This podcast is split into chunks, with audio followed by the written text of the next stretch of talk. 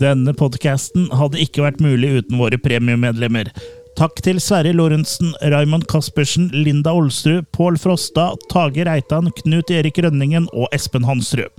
Om du også vil støtte oss, gå til attackofthekillercast.com slash gopremium og bli en del av det gode selskap du også.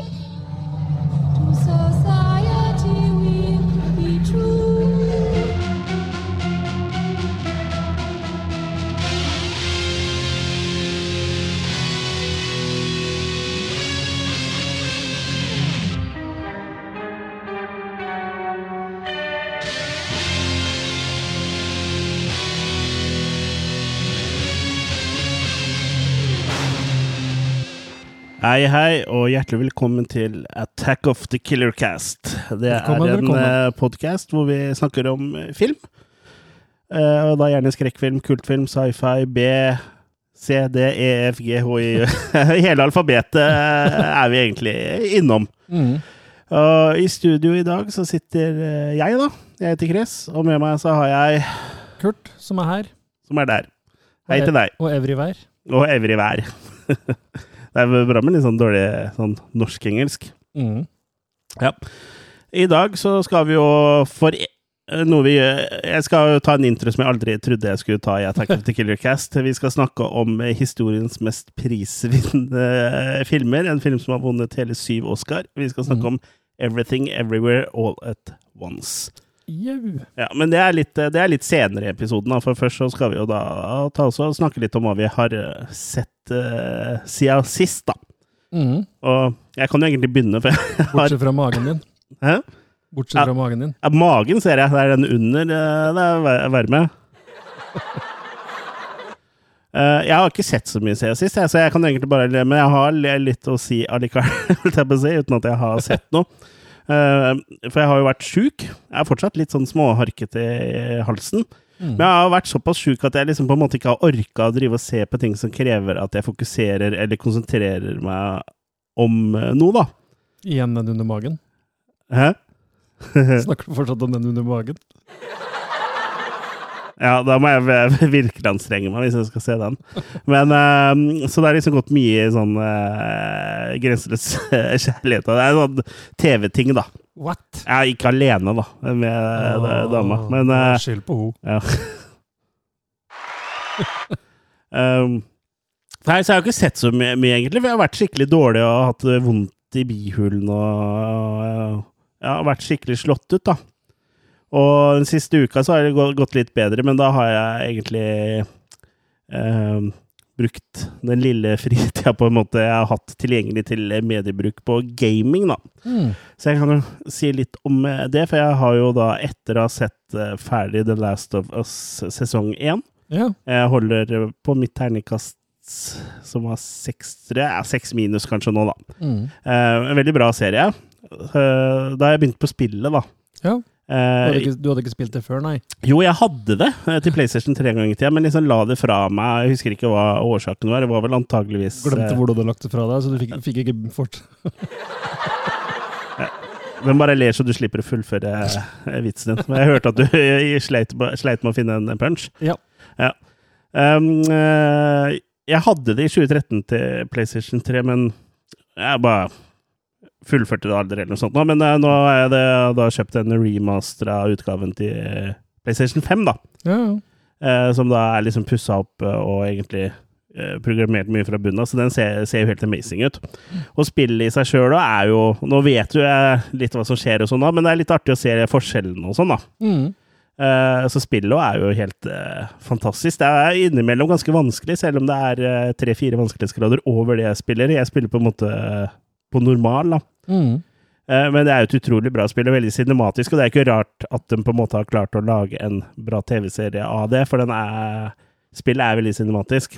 Mm. Og mye av cutscenesa i spillet er jo Det har de jo bare på en måte tatt ut av spillet og filma. Ja, så du kjenner igjen setta og sånn selvfølgelig veldig godt, og Ja, og liksom strukturen i historien. Så, men selvfølgelig er det litt mer eh, ting her og der, og det er jo selvfølgelig mye mer skyting, da.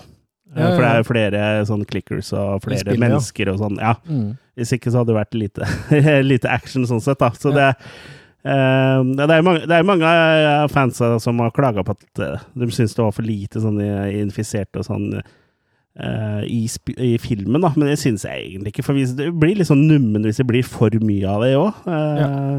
At det bare blir plaffing av zombier. Det er jo liksom ikke det det handler om. Og det er ikke det Nei, det sa jo dem de som har lagd serien nå, at eh, hvis de trodde at de skulle se en slags ny ja, zombie-serie, da, så Ja. tok de feil, for det var ikke det som var målet med denne her, da. Nei, og det er jo egentlig ikke det som var målet med The Walking Dead heller, men det ble Nei. kanskje litt sånn. Jeg, jeg hadde falt av det for ti sesonger siden, tror jeg. Ja. Uh, men det er jo heller ikke det som er hovedfokus i spillet. Selvfølgelig må du jo drepe både infiserte og mennesker og sånn, men det er jo Mm. fortsatt uh, uh, det uh, båndet mellom eh, eh, Forholdet mellom Joel og Ellie som også er eh, Mm. hovedfokus her. Da. Så det er et veldig, veldig bra spill. Så det, det ligger an til en, et ternekast seks der, altså. Mm. Og så har jeg også eh, PlayStation VR2 er jo også noe jeg anskaffa meg rett før jeg ble sjuk, som jeg har fått spilt altfor lite, men jeg har litt- eh, fått spilt det lite grann, da. Det er liksom sånn, du har jo på deg VR-headset, og eh, det er sånn Unnskyld. Eh, det blir nok et par sånne host i løpet av sendinga. Ja, det er lov. Ja, øh, så det er sånne øreplugger og alt mulig. Så jeg, kan liksom, øh, det hender at jeg er hjemme alene med minste guttungen mens øh, samboeren min er på kveldsjobb og sånn, men da kan jeg liksom ikke spille VR-greiene, for det Jo da, du bare setter han på et rom og låser døra. Ja, ja, men det hodepluggen og sånn, så hører jeg ikke Jeg hører ikke om han gråter eller noen kommer eller noen ting, så da spiller jeg heller vanlig PlayStation 5, da, da jeg spilte Last of Us, da. Mm. For da har jeg liksom headset som på en måte eh, går an å slå av den uh, støydempinga på På en måte, da. Mm. Eller ikke på en måte, men faktisk. men um, jeg tror ikke jeg har så veldig mye mer å si. Jeg rakk ikke se Beetlejuice engang, så jeg Nei, kan, uh, for dem som hadde gleda seg til å høre hva jeg syntes om den, jeg må nok vente enda en stund. Jeg vet ikke om jeg får sett den til neste episode, eller det. Jeg skal vel være ærlig og si at uh, jeg har mye på lista som ligger foran den nå som uh, episoden på en måte er laga, da. Ja, ja.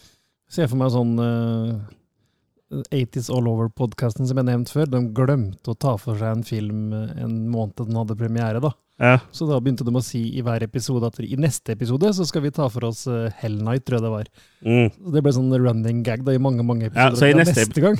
Neste episode så skal jeg få høre hva jeg syns om eh, Beetlejuice. ja, ikke sant?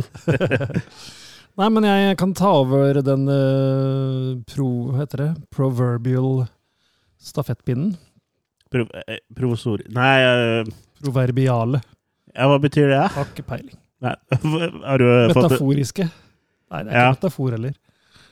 Det er ikke metafor, for det er en stafettpinne, bare den eksisterer ikke. Ja, så proverbial tror jeg det Ja. Jeg tror det er det norske ordet. Ja. Vi sier det. Nei da, eh, vi skal tilbake til eh, det glade 70-tallet. 1972. Det er vel før eh, vi var født, til og med. Det er lenge før jeg var født, i hvert fall. Ja, et par år før jeg var født òg. vi skal til en blaxploitation-film. Og det er vel ikke en hvilken som helst blaxploitation, for det her er vel the daddy of all blaxploitation for mange. Det er vel litt sånn De lærde er vel litt, hva skal jeg kalle det, uenige De forskjellige lærde har forskjellige meninger. Er det Ja, er det liksom eh, Er det den første, eller den som katapulterte sjangeren Ja, inn i mainstreamen? Jeg tror det var den som satt liksom skapet på plass. Det er sånn en blaxploitation-film skal være. Den satt Snakker liksom vi om. Shaft? Shut your mouth, motherfucker! Nei, det er ikke Shaft. Jeg burde hatt en pip her. Jeg er litt, faktisk litt usikker på om Shaft kom etter òg, men det her er Superfly. Superfly! Ja. Superfly fra 1972. Har vi lov til å snakke sånn, egentlig, eller blir vi cancela, da? Nei, vi må få lov til å snakke dårlig amerikansk. Ja, det syns jeg. Ja. Vi får det jo ikke dypt nok ned til at uh, Superfly! Der var vi litt sånn. Det er jo det. Ja, og så er det jo litt sånn Det blir jo sagt litt sånn i filmen òg, i eh, låta og sånn. Den går jo litt sånn. Nei, men Superfly, Gordon Parks jr. sin uh, milepæl av en blaxploitation-film der, altså. Handler om uh, kokainpusheren eh, Priest, som egentlig har lyst til å slutte med dette her. Da. Han skal gjøre en siste gigantisk deal da, for å tjene nok penger til å kunne rett og slett uh, trekke seg tilbake. da. Gjøre som Mm. forhuden. uh, men han møter jo litt motstand da, uh, på dette her. Så det er en veldig enkel plott, men som er liksom tatt til det, ytterste, da, med ja, Om du kan kalle det spenning, vet jeg ikke, men det, det skjer i hvert fall nok ting til at det ikke er kjedelig, da. Er det Fly? Det er Fly. Han er jo den ultimate pimp, da, å, i tillegg til å være den kokainpusheren. Han har jo en helt, helt harem av eh, Ja, de er vel både uh, Hva harem, eh, sa du? Harem, harem, harem! ja, Kakakai. Det er kanskje bare for uh, østfoldingene som hører på oss. Ja. Men det er en del av de. Men han eh, prøver å lage en god deal da, med en, en annen fyr som egentlig sikkert har gjort det samme. For han nå har gitt seg med kokainpushinga si og har vel blitt eh, bareier isteden, eller var restauranteier isteden. Som har liksom vært mentoren hans, da. Og samtidig så har han alle disse folka som jobber for han. og han er som sagt pimp, så han har jo stadig vekk noe house da, som han må deale med. Hei, hei, hei, hei. Pass sproget. Ja, Og så er han jo veldig opptatt av å cruise rundt i bilen sin, som er jo Mm. også ultimate pimpmobilen. Og de har liksom hatt litt lite materiale, da, eller materiell til å lage en film. Så det er veldig mye sånne transportscener og sånn, hvor han bare er ute og cruiser. Men det funker, da, med den der eh, Superfly-musikken, skikkelig sånn uh... Ja, men tror du ikke det var liksom litt groovy? Ja? Jo, det er Ja. veldig groovy, liksom. Jeg Ja. tror nok det var blandinga at det At det liksom funka. var sånn at uh, at kidsa som så det her, ville liksom være som Superfly, liksom, og Absolutt. cruise nedover og høre på groovy tunes. Absolutt. I lange frakkene sine og 70-talls uh, mustasj og Nei, han er bare uh, må ute og hamle opp med gjøkene med å Ja, litt sånn Ko-ko, ja. ko-ko. Han har jo ikke nødvendigvis noen spesielle fiender, bortsett fra selvfølgelig snuten og staten og Snuten og staten. Nå ble vi en sånn Vam og Vennerød-podkast. ja. Men han må jo hamle opp litt folk, og det er noen gøye slåssescener der, da. Som han eh, Blant annet en dritlang scene hvor han løper etter en dude. Som eh, tror han prøver å lure ham for noen penger eller et eller annet. Sa du hvem som spiller eh, Superfly? Uh, han heter Ron O'Neill, Ja. Uh, altså aka Priest, det her, da. ja. Så han er jo ikke den mest kjente, og det er jo egentlig ikke noen sånn veldig kjente karakterer sånn sett. Det er jo liksom Exploitation, så tenker du vel mye på han Frank Williamson ja. Og Fred Williamson. Fred Williamson, ja. Og Jeg må passe, nå som jeg er tilbake, må jeg passe på at dere, at dere sier navnet og titler og sånn riktig, for Ja, ja. det var jo Fikk jo en bekymringsmelding fra en lytter som lurte på om dere hadde fått eh, Om dere hadde blitt demente. Ja, vi har blitt altfor glad i Bruce Willis. Ja. Mm. Stakkar, ja. Det, det er trist, det der, altså. Ja, veldig trist. Men uh, uh, han uh, Bekymringsmeldinga er mottatt, og jeg, jeg, jeg, jeg tror vi er ganske nærme sannheten, egentlig. her, altså. ja, ja. Mm. Men Superfly funker, den, altså. Den er nok ikke den, altså, den, Som jeg sier, den er med å sette Black Exploitation på kartet. Den viser hvor skapet skal stå. Den har alle ingrediensene som ble trademarken til sjangeren i etterkant, da. Ja. Men den er nok kanskje ikke nødvendigvis den aller, aller mest underholdende, for han har veldig lite å by på sånn storymessig, som sagt. Uh, Hva heter den med Pam Greer igjen? Er den litt mer uh... Tenker du på Foxy Brown og sånne ja, ting, eller? ja, Foxy Brown tenker jeg på. Ja. Den har jeg ikke sett, eller jeg husker ikke så mye av den i så tilfelle. Jo, jo, jeg mener at, eh, at du hadde en sånn eh, En sånn Arrow, eh, sånn anmelderkopi, tror jeg jeg ga til deg en gang. Ah, ja, riktig. Men ja, det, eller kanskje ikke det var den, men en eller annen Pam Greer. Ja, det er så mange. Jeg har ikke sett Foxy Brown, nei, men jeg har flere av henne. Ja. Men Foxy Brown kom jo i 74, så den var jo etterpå, ja. Ja. Mm. Altså, Superfly er som sagt eh, en film som jeg syns du bør se hvis du er interessert i sjangeren. Ja, ja. Eh, ikke den beste av dem, men allikevel underholdende nok. Eh, så jeg tenker jeg gir den en litt svak firer, jeg. Er det en Black Exploitation-film du ikke skal se, i hvert fall? Som jeg ikke fant noen redeeming qualities redeeming, vi, må ikke, vi må være en norsk podkast, men jeg har noen kvaliteter som på en måte Mm. Jeg fant noen kvaliteter i, i det hele tatt. Det er uh, Blackula. Nå har jeg sett Ja. bare den første, for jeg orka ikke se den andre. Ja, nei, den var eh, Uff. Ja. For jeg har den jo på sånn her Den eh, går jo for å være en klassiker, liksom, men den var jo bare traurig. Den var dritdårlig. Ja. Ja, det, var, det var ikke noe Superfly, den. Nei. Så jeg, jeg, jeg har jo det en sånn tospannutgivelse hvor det er Blackula 1 og Blackula 2. Det heter Ja. sikkert noe annet, men eh, Sikkert noe Strikes Again, eller ja, et eller annet sånt noe. Men eh, nei, den disken der tror jeg blir, forblir urørt. Ja. Akkurat som uh, kjønnsorganet ditt. Oi! Oi! Apropos den Pam Grew-filmen, det var Coffee. Ja, det var det! Den kom i 73, så den også var etter den her, da. Ja. Ja, for det, det- når, jeg, når jeg ser på bildet av Ron O'Neill, så har jeg liksom sett den før. Ja, Men jeg lurer på, handlinga hørtes så sjukt kjent ut, så jeg lurer på om jeg har sett en sånn YouTube-anmeldelse av Superfly. ja det kan hende. En av de litt lengre Jeg husker ikke hvilke, men sånn som på en måte går gjennom hele filmen, vet du, og så ser du klipp, og så forteller Ja, han ja. og så gjør han det og det. Og Sånn den YouTube-videoen var ganske artig, i hvert fall. mm. Ja. Jeg ser for meg at det er han eh, Jeg kan ta feil her òg. Men jeg ser for meg at er, Jeg husker ikke hva han heter. Jeg er litt dement, ja, men det er en eller annen sånn YouTuber hvor, som alltid står på en måte eh, nesten ved en sånn talerstol og snakker, og så kommer det eh, Og så forteller de hva filmen handler om, og så er, Ja, kommer jeg det klipp og sånn. Ja. Det er sikkert flere også som mener. Han, snakker litt sånn sint eller litt sånn ja. Ikke sånn jeg, angry movie nerd? Nei, det er jo ikke det. Nei. Han snakker litt sånn her, og så kom Black Law og gjorde det. Liksom litt sånn. Ja, Jeg ja. Jeg, jeg, hva husker mener, altså. ikke hva han heter. Jo, det er forresten Curtis Mayfield som har laga musikken her, så derfor så funker den veldig bra. Han var jo en kjent uh, soul-musiker. Så Det er jo mye det er det som er bra i de Black Exploitation-filmene, ja. sånn- syns jeg. Det var jo en gang vi var på sånn eh, fysisk mediejakt, hvor jeg da fant Shaft in Africa-soundtracket på Ja, ja. vinyl. Og det er jo dritbra soundtrack. Det er jo funky som fy. Ja, jeg har jo ikke sett filmen, og jeg stresser ikke akkurat med det, men soundtracket, det er bra. Mm. Shaft, altså. Shaft. Jeg må, jeg må se dem en gang òg. Ja. Absolutt. Noen av dem. Det er så mye som må ses. Den, eh, vi legger jo på den uh, evig lange Attack of the Killer Cast-lista. Ja, det gjør vi. Men du hadde ikke mer? Nei, og vi, vi er tre av oss, og liksom, i hvert fall én av oss kommer jo til å leve sånn i noen år til. Vi bør kanskje være to. Ja, det kan være en fordel. Ja. Men jeg kan hoppe videre på den lista over ting rundt bordet i dag, da. Ja, bare kjør på. Det er, folk liker dette segmentet. Det er i hvert fall det mamma sier. Nei, men jeg har sett Mamma en, vet ikke hva eh, podkast er engang, tror jeg.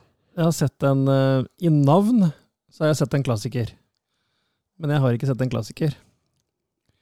Og den har til og med det ser ut som, Ja, det ser ut som den til og med har norsk tittel òg, som er den samme som den uh, gamle har.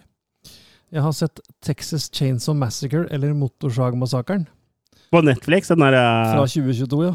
Ja. Mm. Den tror jeg Den har du snakka om før, ja. jeg Lagde ikke jeg en anmeldelse også? Eller var det, det var bare på podkasten, kanskje? det? Jeg, jeg, Jeg fikk jo sånn derre eh, eh, Screener. Ja, screener-tilgang av Ja. Netflix. Ja, kanskje du prata om den på YouTube-kanalen? Jeg husker ikke. Jeg tror ikke jeg snakka om den der. Jeg tror jeg bare ikke fikk tid til å lage noe, så jeg tror jeg bare tok det på en måte i podkasten. Runden rundt bordet. Runden rundt bordet. Ja. Jeg mener å huske at den var ganske ok. Sånn. Ja, jeg mener du mente det. Men du må bare, tenke at det er ikke en remake, da, for det er det jo ikke. Nei, det er det ikke. Det er jo mer en oppfølger. Det er en sånn legacy-sequel, sånn som alle driver med. Ja. Som driter i oppfølgerne, følger den første, eh, introduserer nye karakterer Unnskyld. Ja. Introduserer nye karakterer, men beholder noen gamle. Ja, Her er det vel ikke så mange gamle, bortsett fra sjølveste lærfjes. da. Ja, også The Last Girl fra Ja, ja, riktig. Mm. Selvfølgelig. Ja. Det, Men den, den, jeg hadde liksom bitte litt trua, da, siden du var litt sånn positiv når du prata om den. Og så er det jo han Fede Alvarez som har skrevet litt av manuset jeg blir bare så glad med en gang Netflix liksom anerkjenner min eksistens. Jeg vet ikke, så blir litt sånn Du vil ha mer, du vil ha mer, du vil ha mer. Ikke, ikke fjern pressetilgangen min! Nei, nei, jeg syns den var underholdende nok, men samtidig, liksom, det er ikke noe det er, det er mesterverk. Nei, altså Jeg hadde litt trua, da, for han Alvarez han har vel Jeg tror ikke jeg ga mer enn fire. eh, Nei, det husker jeg ikke. Men han har vel laga annet remaken av Evil Dead, og den var vel ikke helt gæren, vel?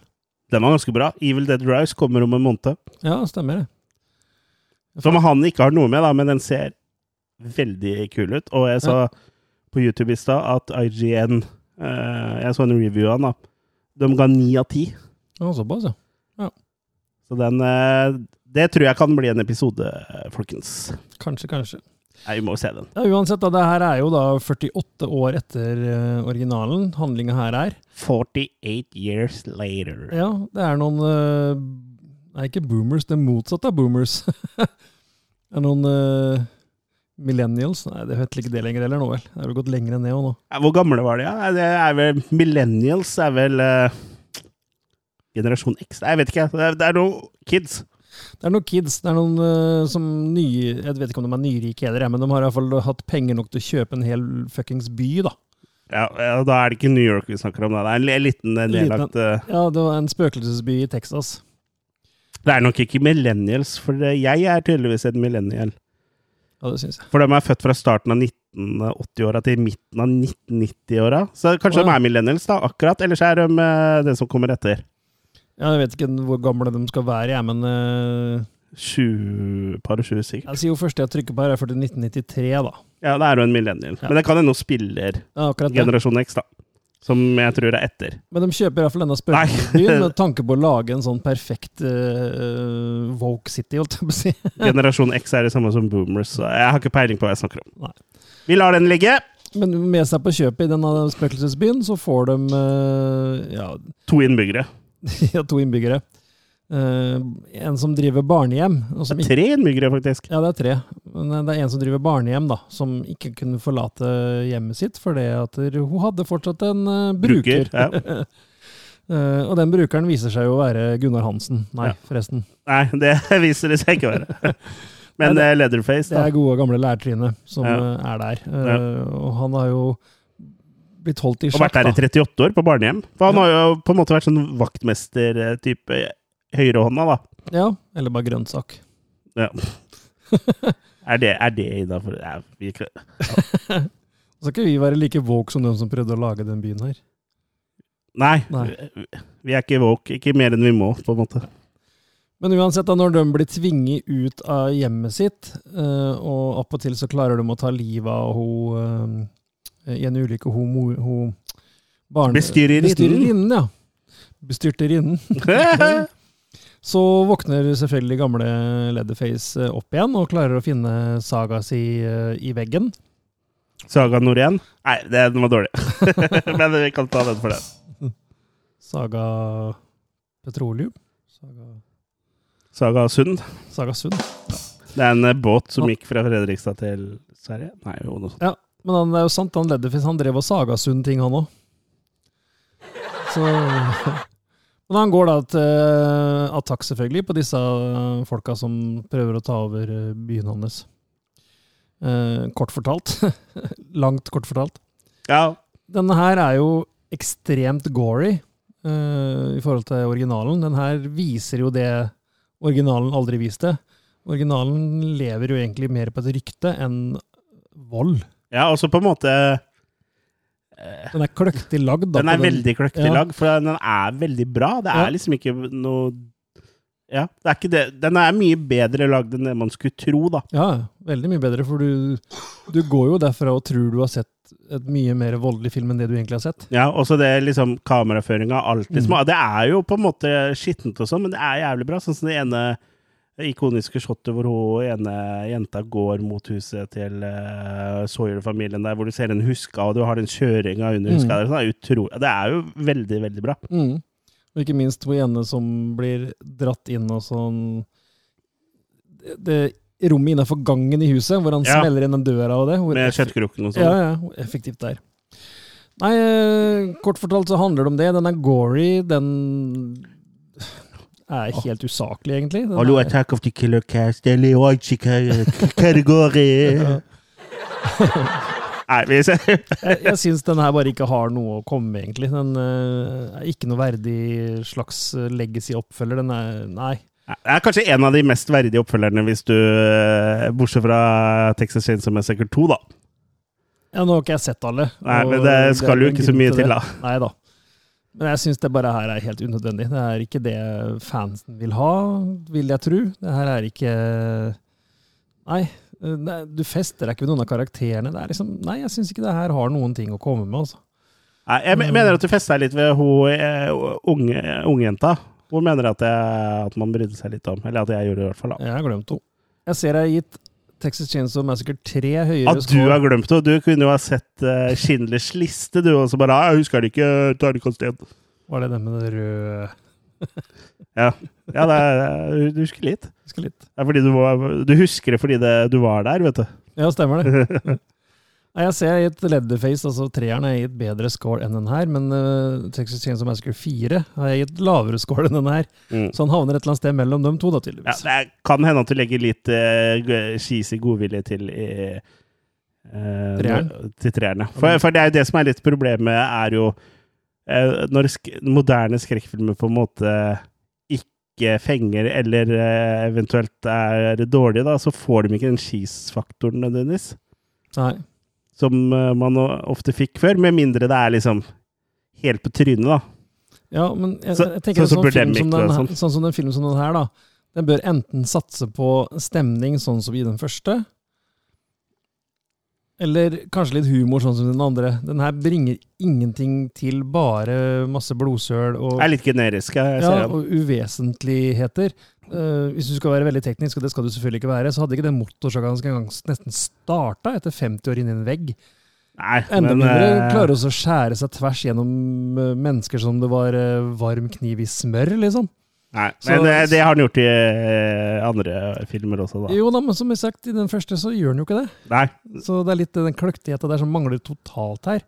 Og da syns jeg det er litt sånn det, det, det gjelder jo egentlig de fleste horror-franchiser. Det blir jo Jeg syns det blir egentlig litt sånn respektløst, jeg, da. Jeg, Ja. Så jeg men igjen, den, den er grei nok. Det er ikke, som sagt, Den er jo tydeligvis ikke den verste jeg har sett i den franchisen her, men den er på en god nummer taper to. ja. Så jeg tenker jeg triller terningkast to jeg, for eh, Texas Chainsaw Massacre à la 2022. Mm. Mm. Jeg minnes jo at, eh, at den scenen på bussen var ganske kul. Ja, Det er liksom det jeg sitter igjen med. Ja, og den er jo en ordentlig gårdfest, da. Ja. Der går den jo bananas. Loco bananas. Mm. Den er fin. Men det var jo egentlig det jeg hadde å komme med denne gangen, jeg også. Så Ja, ja. jeg har ikke sett all verden, jeg heller, men det jeg har sett, uh, har, har jeg sett, da. Ja, og det er jo bra, det, da. Det er ikke verst, det. Nei, det er ikke gærent. Men kan, eh, kan forlange mer enn det. mm? Kan ikke forlange mer enn det. Nei, det kan du vel ikke. Men eh, da kan vi jo gå over til eh, kveldens eh, Det er jo kveld for oss fordi vi spiller inn på kvelden, men det er jo ikke sikkert det er kveld for deg som hører på. Men det høres liksom så proft ut, så da sier vi det likevel. At det, Mm. vi går over til å snakke litt om kveldens uh, hovedtema, som det er da 'Everything Everywhere All At Once'. Og det er jo en film som har gjort det ganske stort nå. Blitt eh, vunnet syv Oscar og mange andre eh, priser. Og hva slags forhold hadde du til den fra før? Hva slags Det var et eh, ladet forhold. Ja. Nei, altså, jeg så den jo uh, før uh, Jeg så den vel sånn omtrent samtidig som da den gikk på kino kino, kino i Norge på Blu-ray. Mm. Um, og mm, ja, syns den var dritkul, da. Og jeg nevnte har jo nevnt den på podkasten her før og sagt at vi må lage episode om den og sånn. Mm. Så fikk vi et lite spark i ræva nå som den uh, vant hele syv Oscarer, da. Mm. Jeg har vondt i ræva enda, det spark. Mm. Jeg hadde jo tatt på meg sparkestøvlene mine. Ja, hadde tatt på deg skinhead-bootsa. Mm. Eh, Jeg så den jo da på en tysk Blu-ray, men du, du var på kino, var du ikke det? Jeg var også på kino, faktisk. Og ja.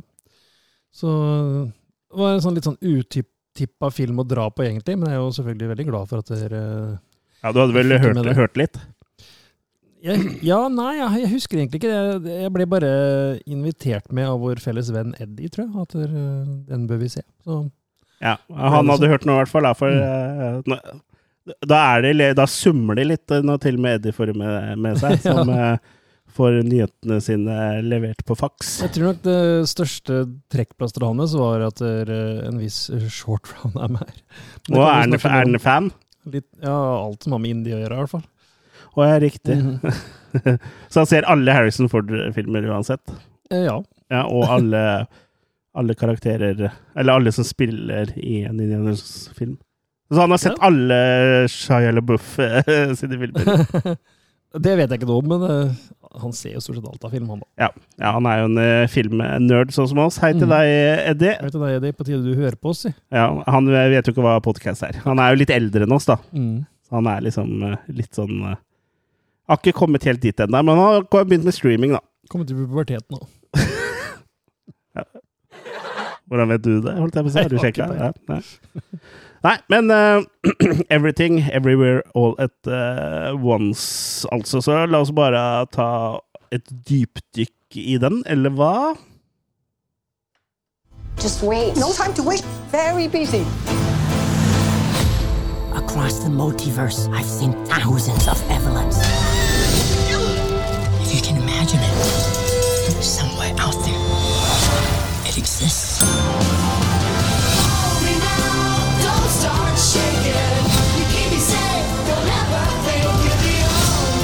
The universe is bigger than you realize.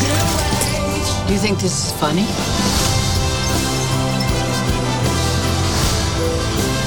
There's no going back. Of all the places I could be, I just want to be here with you.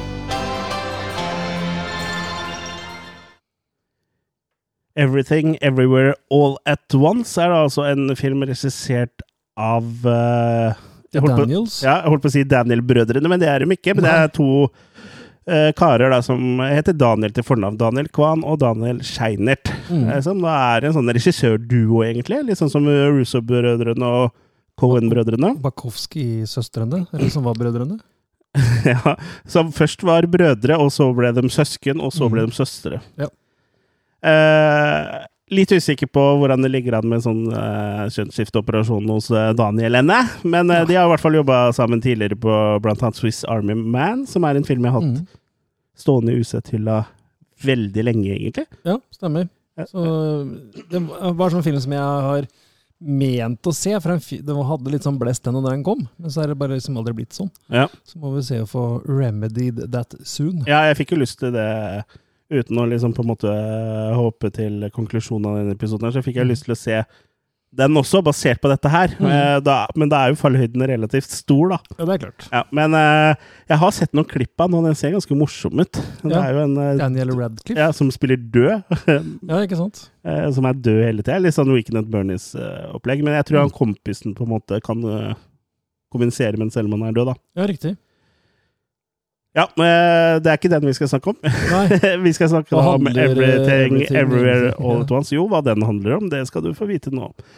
Den handler om Evelyn, en kinesisk-amerikansk immigrant eh, som lever et eh, forutsigbart og kjedelig liv. Mm. Hvor hun da driver en laundromat. Eh, jeg vet ikke om det er noe sånn godt norsk ord for det, men det er et sted hvor du kan gå og putte mynter på Ja. vaskemaskinen og vaske klærne dine. Et vaskeri, ja. Det er ikke så mye av det i Norge. Nei, det er ikke det. Vi har gått litt bort ifra det. Eller det er vel kanskje mer i hovedstaden og større byer, kanskje. Ja, Hvor det er mye leiligheter som ikke har plass til det. Uten at det er fryktelig utbredt her heller. Nei, men, i Oslo så tror jeg det fins. Ja, Ja, det, det det. må det gjøre. Mm. Eller Ellers så er det ofte sånn felles eh, i kjelleren og sånn. Felles- Så lang tid tok det før, felles kjeller. før vi Hæ? Felles i Pelles kjeller.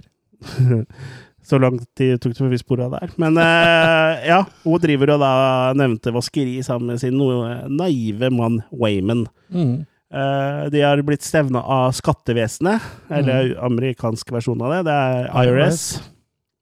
Og mens de da er på et møte der, så blir Evelyn kontaktet av eh, Alfa Wayman, da, som er da Wayman fra Det er veldig rart å si Wayman, Ja. men det det er artig navn. da, Det er Ja, litt det må må jo være gjort på gjørsted òg. Ja, eh, som da er fra et uh, parallelt univers. da. Mm. Og han forteller da at hele multiverset står i fare for å bli tilintetgjort av den mektige Yobo Tupaki. Mm.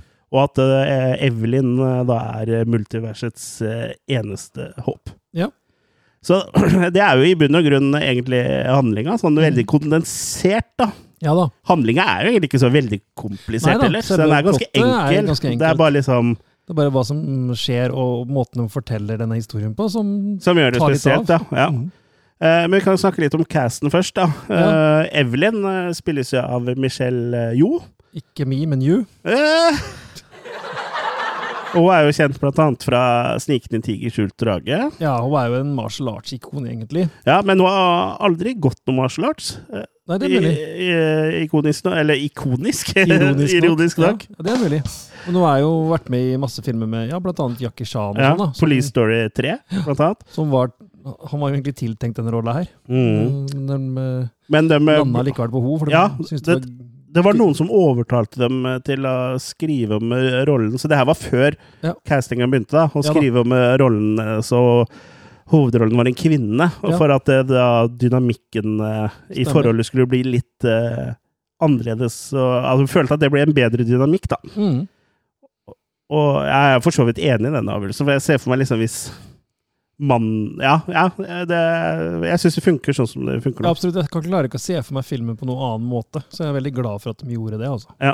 Eh, hun er jo også kjent uh, for en serie Nei, ikke en serie, men en film som jeg ikke har sett, som heter Crazy Rich As Asians. Oh, ja.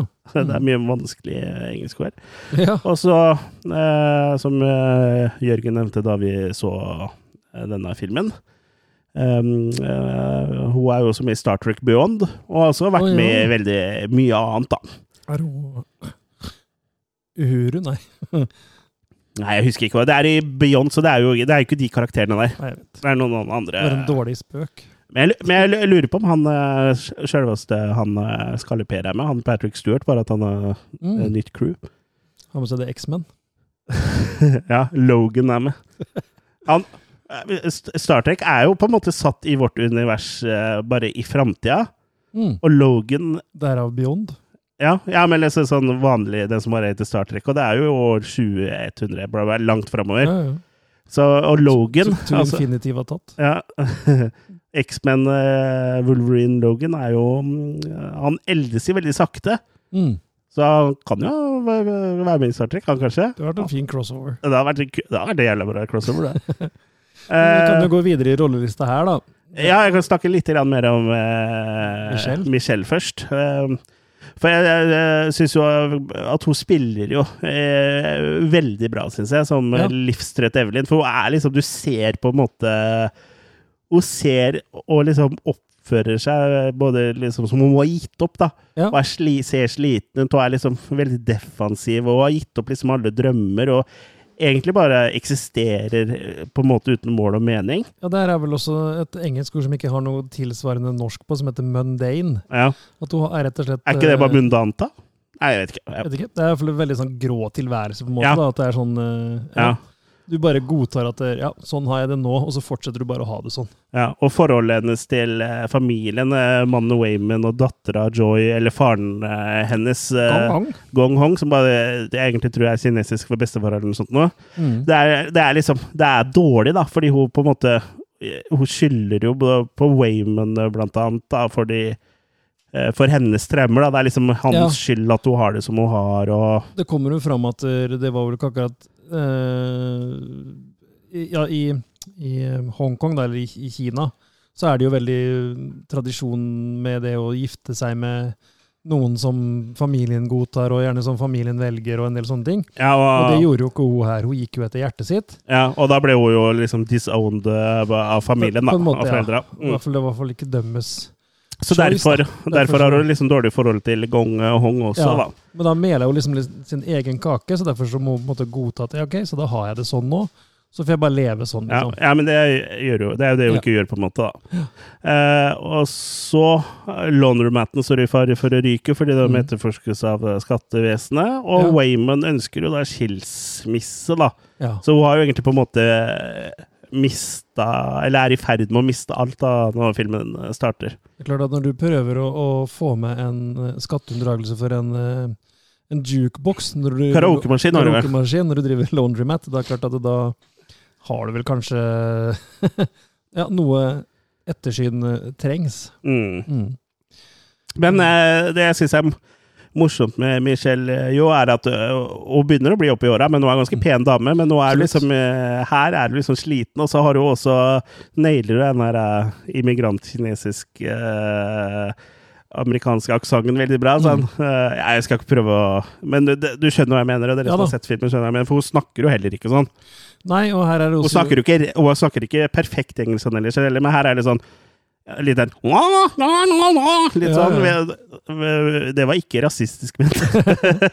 Nei, men de har lagt veldig mye vekt på, på Ja, de blander jo blant annet eh, både kinesisk og eh, engelsk, da. Så de bytter litt på hva de snakker, både til hverandre og, og Ja, og det, Ja. det, det, gjør de sikkert, på, ja. siden de ofte har barn som på en måte er født i landet og Ja. andre folk rundt. Og da blir det jo litt, sikkert litt sånn at man switcher litt frem og tilbake. Men det vi ikke legger så mye merke til, da, det er at når eh, Evelyn og Wayman snakker sammen, så snakker de kantonesisk. Mens når eh, hun snakker med faren sin, så snakker hun mer rent kinesisk. Ja, eh, mandarin, vel? Mandarin, ja. Og, og dattera snakker eh, vanlig kinesisk dårlig. Ja, og engelsk selvfølgelig. Så, for hun har liksom ikke lært seg det. Men eh, det også er jo sikkert litt av bakgrunnen til at uh, faren på en måte ikke godtok Wayman, Ja, fordi han er, han er fra et mandarin. annet sted eh, Det skulle vært klementin. Ja. Er fra et annet sted. og sånn uh, typ, da. Men uh, det er jo en detalj som er umulig for oss å få med oss, og sikkert de fleste andre, bortsett fra de som er kinesiske. da. Men da i, I Kina er kanskje filmen dubba til kinesisk, så jeg vet ikke hvordan de skal Ja, det var det. Nei, det er jeg faktisk ikke sikker på. Ja. Kanskje når alt er dubba til mandari- mandarin, eksempel. Ja, Ja, da skjønner du med ingenting. bort. Ja. Nei da. Men, Da eh, faller den egentlig bort for alle. ja, men uh, det er bare sånn tegn på liksom på detaljnivåer, da. Og Mm. hun Michelle uh, hun spiller jo ikke bare den slitne Evelyn her, for sånn Vi er jo i spoilerterritoriet. Jeg skulle egentlig sagt det tidligere, men hun, hun, hun spiller jo andre versjoner av seg selv. Ja, Uh, derav uh, multivers. Ja. Og hun viser jo her at hun har et eh, veldig stort spekter, og er en veldig dyktig skuespiller, uh, syns jeg i hvert fall. Jeg skal jo være ærlig at jeg ikke har sett så veldig mye av Michelle Jo-filmer. Eh, jeg har jo sett 'Snikende tigers ultrag', men jeg husker liksom ikke så mye av den. Men jeg husker jo at den var kul. Ja, Så har hun liksom hatt småroller mange steder. Hun har, har hun en liten rolle i 'Tomorrow Never Dies', blant annet. Så og, ja, og har jo mye sånne småroller, da. Ja. Men det her er jo en eh, Bortsett fra Snikende tiger, så er jo det her en stor eh, hovedrolle, da. Mm. Og kanskje, kanskje den største hun Ja, har hatt, vil jeg tro. I hvert fall sånn basert på priser og sånn. Mm. Nei, og så er jo en annen kar her som har fått uh, en ny vår da, med skuespilleriet sitt. Ja, en liten renessanse. Absolutt. Uh, jeg er dårlig sikker på å uttale navnet, men Kehui Hu, Ke Kwan, Ja, jeg tror det er ganske bra. ja, som spiller da Wayman. Ja. Men han er nok bedre kjent som uh, vi snakka om før i dag, Short Round fra Indiana Jones og Data fra The Goonies. ja. Så han var jo en sånn up and coming fyr på Liten barnestjerne, rett og Ja. slett. Så, men han tok vel aldri steget sånn helt ut uh, for seg sjøl. Han har jo spilt i andre ting, men det er jo ikke noe som Han spilte i Encino med, en, med Brendan Fraser, Ja, blant annet. Mm. Det har liksom aldri tatt helt av, da. Nei, men det, det tror jeg ikke det har, Sånn som jeg har forstått det, så har jo ikke det vært eh, Målet hans heller, nei. Jo, okay. Men eh, det har vært veldig vanskelig å være asiatisk i Hollywood, så Ja. har ikke fått tilbud, liksom. Har ikke fått tilslaget på roller, da. Ja. For de rollene som på en måte ofte er, er liksom sånn stereotypiske uh, asiatere. Sånn, Mm. som short run, det egentlig. ja, ja, absolutt. Eh, men uh, Så han bare ga litt opp, liksom, for han fikk ikke noen flere jobber. Mm. Og så har han jo jobba Så har det vært litt sånn ufrivillig pause, for det her var jo liksom drømmen hans å jobbe med det her. Mm. Og så har jeg sett intervjuet med han at uh, når han så filmen 'Crazy Rich Asians' med uh, nettopp Michelle Mm. Yeoh, da, så tenkte han at nå er tiden inne Ja, for å for der er det ikke så stereotyps. eh, Nei, liksom. det er Mm. asiatere det, som er fremstilt som mennesker. Det som er Det, det høres utrolig teit ut å si det, men Ja, det, men det har jo liksom vært mangel på det, da. Ja, tenk deg liksom sånn tilbake til Charlie, Charlie Chan-filmer og sånn, hvor eh, var det Christopher Lee som spilte asiater, liksom? Ja, ja. Istedenfor å finne en asiater, så ja, og sånn har det egentlig vært med alle minoriteter, både Ja, ja, med indianere blackface og indianere og, um, afrikanere. innfødte ameri... Ja, nå må vi være forsiktige her. Skulle hatt en sånn pipelyd, men uh, vi har jo den her, da, hvis noen uh, uh, detter ut i rasismemyra. Eh, Så det, så ja da, sånn sett. Men, eh, og, og det er kanskje litt sånn altså, kalle Det er jo ikke ironisk, men det, jeg, jeg syns det er litt sånn underfundig her òg, for de er veldig glad eh, asiater, amerikanerne Og det er jo ikke alle som er amerikanske. Jeg vet ikke om sånn som han Ke bodde han i USA nå? Er jo kanskje det? ja, ja. Men han har spilt i en del litt kinesiske filmer også, ser jeg. Ja. Hongkong-type greier. i- For de prisa jo den muligheten her fordi de syns det var så bra endelig er en film som tar oss på alvor. Ja. Eh, men får du noe mer stereotypisk enn en asiat-amerikaner som jobber for en laundromat? ja, men det er jo så samtidig Det viser jo Ja, det viser dybde og dybde, og Ja de er, spiller jo forskjellige versjoner av seg sjøl og sånn. Absolutt. Så, Så som skuespillere så føler jeg jo Det kunne veldig lett vært hvite folk, dette her. ja, ja, ja. Helt klart. Nei, han spiller jo da som sagt Waymond, og jeg mener jo også det må være litt sånn moro lite navn, da. Ja. At det rett og slett bare er måten de sier Raymond på. ja, det kan godt hende. Hva skal barnet hete? Wyman! Jeg syns det er gøyalt navn. da. ja, det er litt gøy, da, for det, de, ja, de viser at de ikke tar seg selv så høy- høytidelig, samtidig som Ja. Ja. Han har jo visst en sånn eh, talefeil òg, da. Han, eh, han eh, Hva? Hva? mm. Hva- hva det går i? Så det var jo veldig gøy å se han igjen, da. Ja, han, eh, utrolig, utrolig gøy, egentlig. mm. Og det som er litt sånn artig, er at uh, han bestemte seg jo for å gå tilbake til eh, skuespill uh, um, uh, etter å ha sett Crazy Rich Asians, Mm. og hooka da opp Eller hooka opp blir jo feil å si, men han tok jo da kontakt med Jeff Cohen, Ja, eh, som, spilte, som spilte Shunk, i Goonies, som da er sånn advokat som på en måte forhandler eh, kontrakter og, og, Ja. og sånn. Og, så er liksom jeg, nå er jeg back in the game, liksom. Vil jo være Mm. advokat for meg hvis det dukker opp noen rolle? Og liksom sånn nesten samtidig med det, så satt jo disse Daniels-gutta og lurte på hva er det som egentlig har skjedd med han eh, som spilte short round? Ja, ja. Og så fant de ut av det. Fant uh, ut at han uh, var omtrent på den alderen som Wayman skulle være. Og så hadde han liksom akkurat eh, sagt at Eller liksom returnert. Altså det var liksom veldig sånn uh, Ja, det er liksom meant to be, da. At det Mm. liksom akkurat det skjedde samtidig. For det var jo selvfølgelig De hadde jo sikkert fått tak i han uansett, men det var liksom sånn ting er jo enklere når du er i systemet, på en måte. ja, ja, ja. Eh, I hvert fall i Hollywood-greiene tror jeg er litt sånn tungrodd innimellom. Absolutt. Uh, så det er jo også artig da, at liksom Goonies uh, stick together, liksom. At Ja, de, eh, absolutt. Ja. Men uh, jeg, Oi, det er liksom Benflørting. her, men det hører du ikke uh, på podkasten. Men du kan kanskje ta av deg de høye hælene, for de stikker litt i skrotum. men ja, K K K Key Key, tror jeg de sier. Key. Key spiller den naive og kanskje litt enkle Wayman, da. Mm. Og det syns jeg liksom gjør veldig bra. Han er, virker liksom sånn veldig søt og sånn sårbar, uh, på en måte. Ja, han er jo så Han vil jo bare Ja, alle det beste. Ja, han vil jo Ja. bare alle det beste. Han prøver å live opp uh, tilværelsen med å putte sånn googly eyes på forskjellige steder rundt omkring på laundrymatten. Ja, fordi folk syns det er gøy. Ja. Det syns jo ikke livsstedet Michelle Evelyn eh, noe særlig om. Ja. Så det er liksom, han er helt desperat da, etter å prøve å lage litt liv i leiren. Ja. Og han er jo faktisk så desperat at han går til det steget og søker skilsmisse, for han har hørt av noen andre at det satte fart på dømmes eh, liv igjen, liksom. Ja.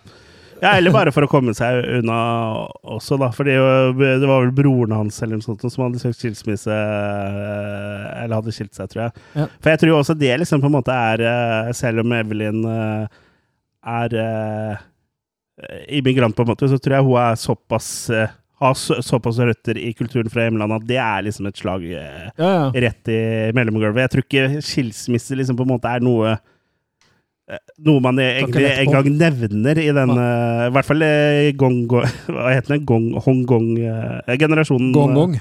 Ja, var det, ja, Gong Gong i generasjonen Gong ja. hans, da. James Hong spiller Gong Gong. Ja, det er morsomt.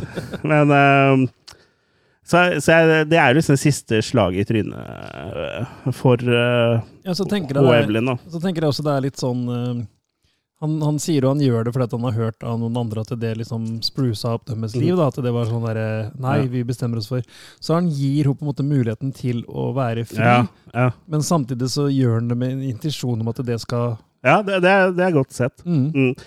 Eh, men han spiller veldig sånn forsiktig og ærlig, sånn, og da, da blir det liksom sånn sterk kontrast når Alfa Wayman uh, dukker opp. da. Mm. Vi kan jo snakke litt senere etter vi har gått gjennom casten om hvordan liksom, multiverse eh, eh, og sånn uh, verse-jumping eh, fungerer her, da. Men Ja. han er jo liksom mye mer sånn selvsikker og er en badass og kan kampsport og ja. Han er jo en slags agent, han. ja. Og så møter vi også Key i forskjellige parallelle universer, hvor han liksom spiller forskjellige versjoner av seg sjøl. Så har også eh, Key viser at han har et bra spekter, altså. Ja da. Ja, på, på tross av talefeil. Men eh, altså, Ja. du trenger ikke eh, la deg stoppe av det, liksom. Nei, absolutt ikke. Nei, jeg vil jo kanskje si at Christopher Walken her Ja. Han har jo også på en måte en veldig spesiell måte å snakke på. Det har jo Ja. ikke stoppa han. Nei, han har rett og slett lært det på skolen han, at eh, du skal ha punktum der og punktum der. Og så sier jeg fuck it, ikke fortell meg åssen jeg skal gjøre det. Så han begynte å lage sine egne setningsbygninger. Ja. Folk mener jo også at det er uh, på grunn av at han ikke klarer å memorere uh, replikker, og det kan sikkert også hende, men uh, det funker jo, Ja, de klarer jo å løse det bra på film. Men Ja det, for et par dager siden så, så jeg en sånn sketsj fra SNL på YouTube med er Christopher? Walken. Ja, ja, det var ikke akkurat den jeg så, Oh, nei, okay. men jo, den òg.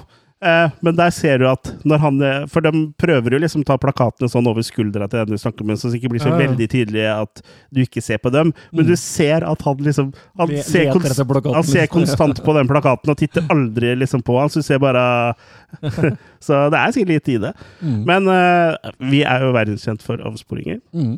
Jeg vil også bare nevne en Apple TV pluss-serie som heter Severance, som har bare kommet til én sesong foreløpig. Den slutter med en cliffhanger, så det skal komme en sesong til.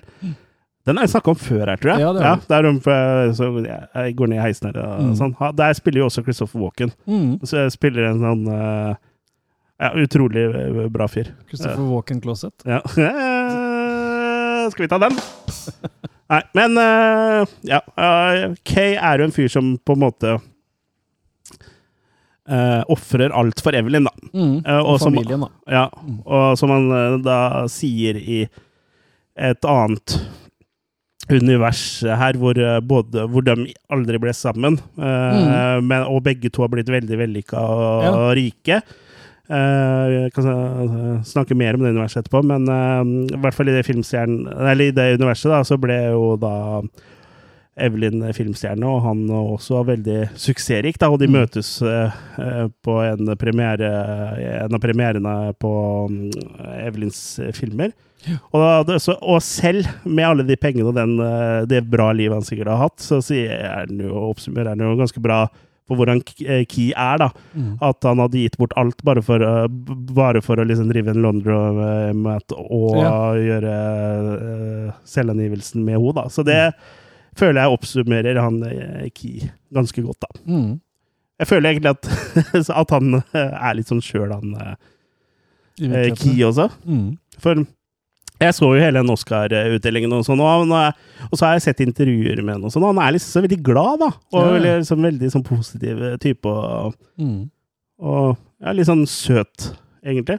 Så det er veldig rørende å se liksom eh, at han er så glad da, for å være tilbake. Mm. Absolutt. Så han er, han er nok, det er nok mye av han i Wayman, ja. Han var nok uh, perfect casting der. Ja, det, det vil jeg si. Og um, han gjorde mesteparten av fighting stuntsa sjøl også. Ja, han hadde vel koreograf òg på mye av Ja. I hvert fall den rumpetaskescena. Ja. Mer om den etterpå. Ja, altså det var, det var jo Han var en stuntmann inne i noen av tilfellene hvor de da bare har limt eh, trynet hans på eh, Ja, etter Fysisk ettertid. med lim. Leatherface-style. Men ja, jeg syns han, han liksom på en måte utstråler liksom veldig positiv, positivitet, og det gjør egentlig hele casten og crewet i Ja den da. filmen her. Så jeg liksom føler på en måte at det på en måte blir sånn ny sånn uh, Hollywood som Hollywood trenger, da. At det ikke Ja. liksom bare handler om eh, For jeg føler at det liksom bare handler om penger og glamour. At det liksom bare er så, blitt sånn veldig overfladisk, da. Og liksom Mm. sånn uh, Forrige Oscar-utdeling uh, hvor Will Smith klappa til Chris Rock og 'Keep your my, Keep my wife's name out of your motherfucking mouth. Det er liksom sånn uh, typisk sånn Hollywood, eh, sånn Mm. som det har blitt, på en måte. Og liksom du har Weinstein-folka, eller han Ikke folka, men han ene. Mm. Det har vært så mye negativitet, at nå føler jeg liksom på en måte at det er liksom litt sånn positivitet, da. Mm. Eh, bå- både liksom når jeg, en sånn film i det hele tatt vinner Oscar, liksom, at de ikke Ja. er så oppesende og snobbete at liksom, her var ikke her var ikke Eh, Hvis Martin Scorsese skulle bestemt, så hadde jo liksom ingenting annet enn gangsterdramaer vunnet, liksom. Nei, Så jeg bare liker liksom at det virker som om Hollywood er inne i et sånn paradigmeskifte, da. Ja, kanskje vi har kommet til et, et annet multivers når det gjelder uh, Ja, At vi har sklidd inn i et annet univers. Ja. ja. Jeg syns i hvert fall det, det, føler liksom sånn Det var flere ganger jeg så på Oscar-utdelingen, liksom at jeg ble liksom litt rørt, da. Og 90 av, 99% av gangene så hadde jo det med Everything uh, every, uh, Everywhere All At Once, da. folka, ja. Men en som er veldig positiv rundt eh, dette her, da, det er jo en annen karakter her som ikke er så positiv i filmen. Nei. Snakker da om Deidre Bobadre. Jadra Barbara, det er vanskelig å si det Ja, etternavnet. Dritvanskelig. Ja, men det spilles av Jamie Lee Curtis, da. Mm, som nå endelig har fått en uh, velfortjent Oscar òg. For beste uh, kvinnelige birolle. Mm. Ja. Så måtte bli kvitt uh, William Shatner-maskemorderen. og ja. Nei, det har jo gjort mye annet òg, altså. Men Hun har gjort det, ja. ja. Og, men selv etter at hun vant eh, Hun sa jo i takketalen sin at, liksom, at hun har laga sjangerfilm i så og så mange år, og at den Oscaren her var til alle dem som har vært med på den nå. Og så posta hun faktisk et innlegg dagen etterpå eller noe sånt eh, med noe Michael Myers eh, maske og greier. Så hun er liksom, hun er ikke noe flau over det. absolutt Og det ikke. er Hun er veldig stolt av det Ja. og har veldig eierskap til det. Så det ja, jeg tror liksom hun har fått det mer med åra, for jeg tror ikke hun var så gira Nei, Særlig på etter de 80- tre og 90. siste filmene nå, så har hun nok fått det. Og, jeg har sikkert skjønt også hvor stort det er. Det, Jeg vet ikke om hun er noen sånn executive producer og sånn på den filmen nå. Jeg tror hun faktisk har, ja. det vet jeg ikke. har noe skulle sagt. Mm. Men nå spiller hun da en kjedelig saksbehandler som er liksom uh, eh, Ja, hun ser kjedelig ut òg. Ja, hun er jo Og det er jo en grunn til at hun ser ut som en sånn stereotyp IRS-dame, da. Ja, det er jo fordi Daniel-gutta søkte på sånn stokkfototjeneste, og så fant du en dame som ser helt lik ut eh, som Jamie Lee Curtis i den filmen her. da. Ja. Samme håret og akkurat samme klærne, helt ned til minste detalj. Sånn gul eh, slags strikka vest, eller Og, sånn. med gul genser under. Med gul genser under. Og gul eh, bukse. Mm. Nei, så det var jo veldig artig, da. Og så enda artigere er jo når uh, den Når eh, Deirdre fra et annet univers kommer inn i bildet. Ja. og du får se liksom Jamie Lee Curtis gjøre vaierarbeid og liksom fighte mot Michelle Yeoh og, Mm. og sånn. da. Det er veldig, veldig morsomt. ja. Og på et, et eller annet tidspunkt der med en gang på en måte um, Evil Deirdre kommer, da, så er jo nesten litt sånn Michael Myers sjøl. For uh, Mm. Michelle driver jo Nei, ikke Michelle, men uh, Evelyn gjemmer seg jo. Ja. Uh, og så liksom går hun og slår ned sånne der, cubicles. Ja, finne noe, ja. Ja, så det er litt sånn Der var hun litt Michael Myers, da. Mm. Og hun har jo mye å spille på her, da, med ja, de forskjellige rollene i de forskjellige mm, universene. da. Ja. Så Ja, hun fra grå mus til eh, Og hun er, jo, hun er jo flink i jobben sin. Hun har jo blant annet mange fine priser. Ja, ja. Ja, ja men eh, prisene skal vi eh, komme tilbake til. Hun har jo vunnet den beste saksbehandlerpris, ja. Ja, Den ser ut som buttplugs. så Hun er ikke så veldig fargerik, men karakteren hennes er jo her fargerik, da. Ja. Eh, ja, jeg, jeg syns jo liksom alle skuespillere egentlig Jeg synes man har gjort en veldig god jobb med å liksom finne det rette folk. Vi, Ja. eh, vi må jo snakke om Joy òg, da. Spilt Ja. av Stephanie Shu. Ja. Jeg tror Shu.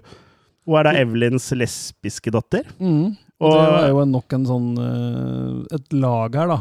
Etter, eh, Det er jo ikke kosher nødvendigvis for en eldre generasjon av eh, Asia-amerikanere. Nei. Og blant annet da å fortelle det til bestefar Gong Gong, det har ikke eh, Evelyn så lyst til.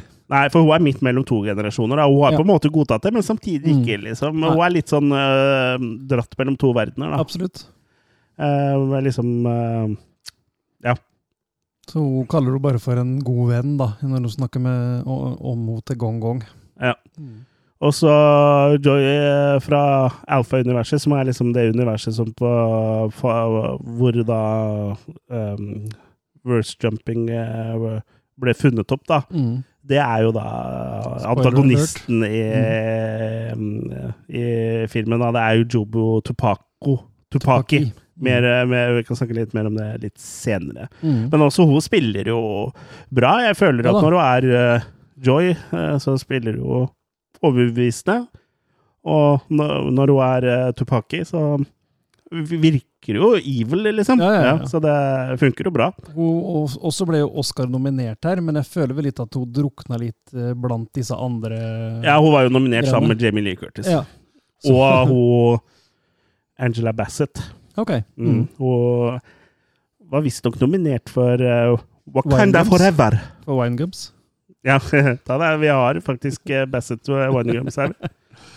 Ja, ikke sant? Nei, da, så Stakkars hadde nok litt eh, store sko å fylle der, men absolutt fortjent Oscar-nominasjon. det, altså, For hun gjør en god rolle og, har mye å spille på, som sagt, med både å være angstfylt tenåring eh, som sliter med å bli godkjent, eller godtatt sånn som hun er. Til å være en evil, et, et, et, eh, ondt vesen som på en Ja. måte vet uh, alt. Ja, og kan alt. Og kan alt. Og, Og har ingen grenser. står i eh, ferd med å ødelegge alt. Ja. Men eh, nå må vi snakke om eh, selve rosinen i castingpølsa, da. Ja, Det er premiere på setning. Se Gong Gong, eh, du nevnte vel i stad, spilles jo av selveste legenden James Hong. ja, og han er vel den du har sett mest i film før, vil jeg tro, nesten. Ja, han har jo spilt i film Unnskyld, sier jeg 50-tallet? Ja, blant annet eh, ja, Big Trouble in Little, China er vel den jeg Ja. kommer på sånn først. Chinatown, Blade Runner, ma mange, mange flere. Han var hele 91 år da filmen ble spilt inn. Ja, han holder seg sjukt bra, for han Ja. eh, Altså, han bruker jo mye av filmen på å sitte i rullestol, men han er jo ikke i rullestol sittende sjøl. Og han Ja. eh, er jo oppe og går og gjør liksom Han har sikkert litt stuntfolk og sånn, han òg, men Ja eh, ja, jeg syns Han er 91 år, altså. Eller han var det da. Han er det, da den ble spilt inn. Da. Han er 94 nå. Mm. Han var til stede på Oscar-uttellinga, så det er eh, respekt, ass. Han og Clint Eastwood, liksom. Ja, Hvor gammel er han? Han er vel yngre enn James Hong. Han er, Jeg tror han er Han er fylt 90, han òg, mener jeg. James Hong eh, kaller han bare liksom for junior. Ja, unggutten. Unggutten. Guttevalpen. Guttevalpen. Men ja, han nå er liksom legende, med, og han har du liksom sett i han, er sånn type som alle på en måte har sett, men ikke nødvendigvis vet hva heter, føler jeg litt. Ja. Clint Eastwood er født i 1930, Ja, så kan du You do the math. ja da er han, eh, Clint Eastwood ett år yngre, da. Ja, ikke sant? Mm. Mm. Han nå er faen meg seig, ass. Seige folk. Mm. Altså, Altså, be, beste, Bestefaren min nå er 93, men han regisserer ikke filmer, liksom. Nei, ikke sant? Ja. Eller, eller spiller uh, badass, evil folk i Han spiller ikke gong-gong. spiller ikke Gong Gong. Ja, Gong-gong-gong! For Gong Gong også skal vise seg å være en slags uh... Han er med på eller, han er, For hans, han spiller jo bare en annen en versjon til av seg sjøl. mm. Og det er jo liksom alfa versus eh, versjonen av han. Og da er jo han på en måte sånn sjef over det der eh, multiverse-agent-opplegget. Og han, på et eller annet tidspunkt så blir det jo til sånn der rullestol blir bygd opp til sånn mekka-opplegg, sånn Ja. mekka-suit nesten, som ser ut som er laga av en sånn gamle Nintendoer og sånn type ting. Det er veldig Mm. gøy. Ja, for han er jo på en måte good guy, men han er ikke nødvendigvis en som hjelper dem så mye, da. Han Nei, han sånn vil, han vil at uh, universet ikke skal bestå. gå under. Så Mm. om det liksom betyr at han må drepe barnebarnet sitt, Mm. så går det fint. Ja, ja. Selv om det er barnebarnet fra et annet univers. Ja. Eller i alle univers, på en måte, blir jo det her, da. Mm. Men ja, vi kan snakke litt om selve liksom premisset og multiverse og sånn, da. Mm. Eh, For teorien eh, og måten man kan te- Teorien her er at hver gang du står overfor en avgjørelse i ditt liv, ved at du enten skal gjøre Enten ved at du gjør én ting eller ikke gjør den, så splittes da virkeligheten i to, og Mm. fortsetter i to tidslinjer. Mm. Og hver minste avgjørelse du tar, så blir det et nytt parallelt univers, da. Mm. Så det finnes jo da milliarder på milliarder av uh, universer, da. Mm. Og Evelyn i det universet her, da, som uh, filmen handler om, den livstrøtte eh, taper-Evelyn, på en måte, uh, tror jo da Alpha Wayman, som da kommer fra Alpha-universet, som er det universet som fant ut at man kunne uh, hoppe, mellom. eh, forskjellige universer. Han tror at hun, da er den utvalgte da, som kan stoppe Job, Jobu tilbake. Mm. Fordi det, hun er den kjipeste Evelyn som noensinne har eksistert. For hun er den Evelyn som da aldri har liksom på en måte fått til noe. Mm. Hun er den på en måte Hvis du står overfor et valg, og liksom, hvis du svarer ja, så liksom forandrer livet ditt til bedre. Hun er, mm. li- hun er den tidslinja som alltid bare har blitt nei, da. Ja, På en måte. Så hun er liksom uh, Uskylden, på en måte. Men Ja, hun bare er liksom Uskyld, men uh, også liksom sånn uh, verst dårlig, mest Ja. dårlige uh, resultatet du kan få, da. mm. Alle andre parallelle universer har på en måte er litt bedre. Ja. Sånn som å være en stein i en ørken. Ja, ja tenk deg at det er bedre, liksom. Mm. Men uh, man kan jo da, uh, via den teknologien som de Alfa Universe-folka har laga, så kan man da koble seg på andre versjoner av seg selv i parallelle universer, og laste ned evnene deres. Så Få skills fra andre univers. Ja, litt sånn som i Matrix. Mm. Og uh, Danielsen har jo vært har ikke lagt under noen stol at de har liksom vært inspirert av The Matrix, at de ville liksom lage deres versjon av det. Ja, ja, ja. Ja. Men måten man da på en måte kobler seg da på disse andre versjonene av seg sjøl, er at eh, man har eh, noe som ligner på et Bluetooth-headset i hvert øre. Mm. Og og så må man da på en måte klargjøre en jump pad, eh, som det kalles det. Og det er ikke noe fysisk, men det er eh, Du klargjør det da ved å gjøre noe uforventa, da. Noe som Mm. liksom ikke er, er veldig usannsynlig at du gjør. ja. Og da, det ser vi jo eh, disse Både Evelyn og uh, Wayman og Joy ser Eller ikke Joy, men eh, de andre ser vi dette her. Og også disse agentene til uh, Tup Tupaki. da. ja.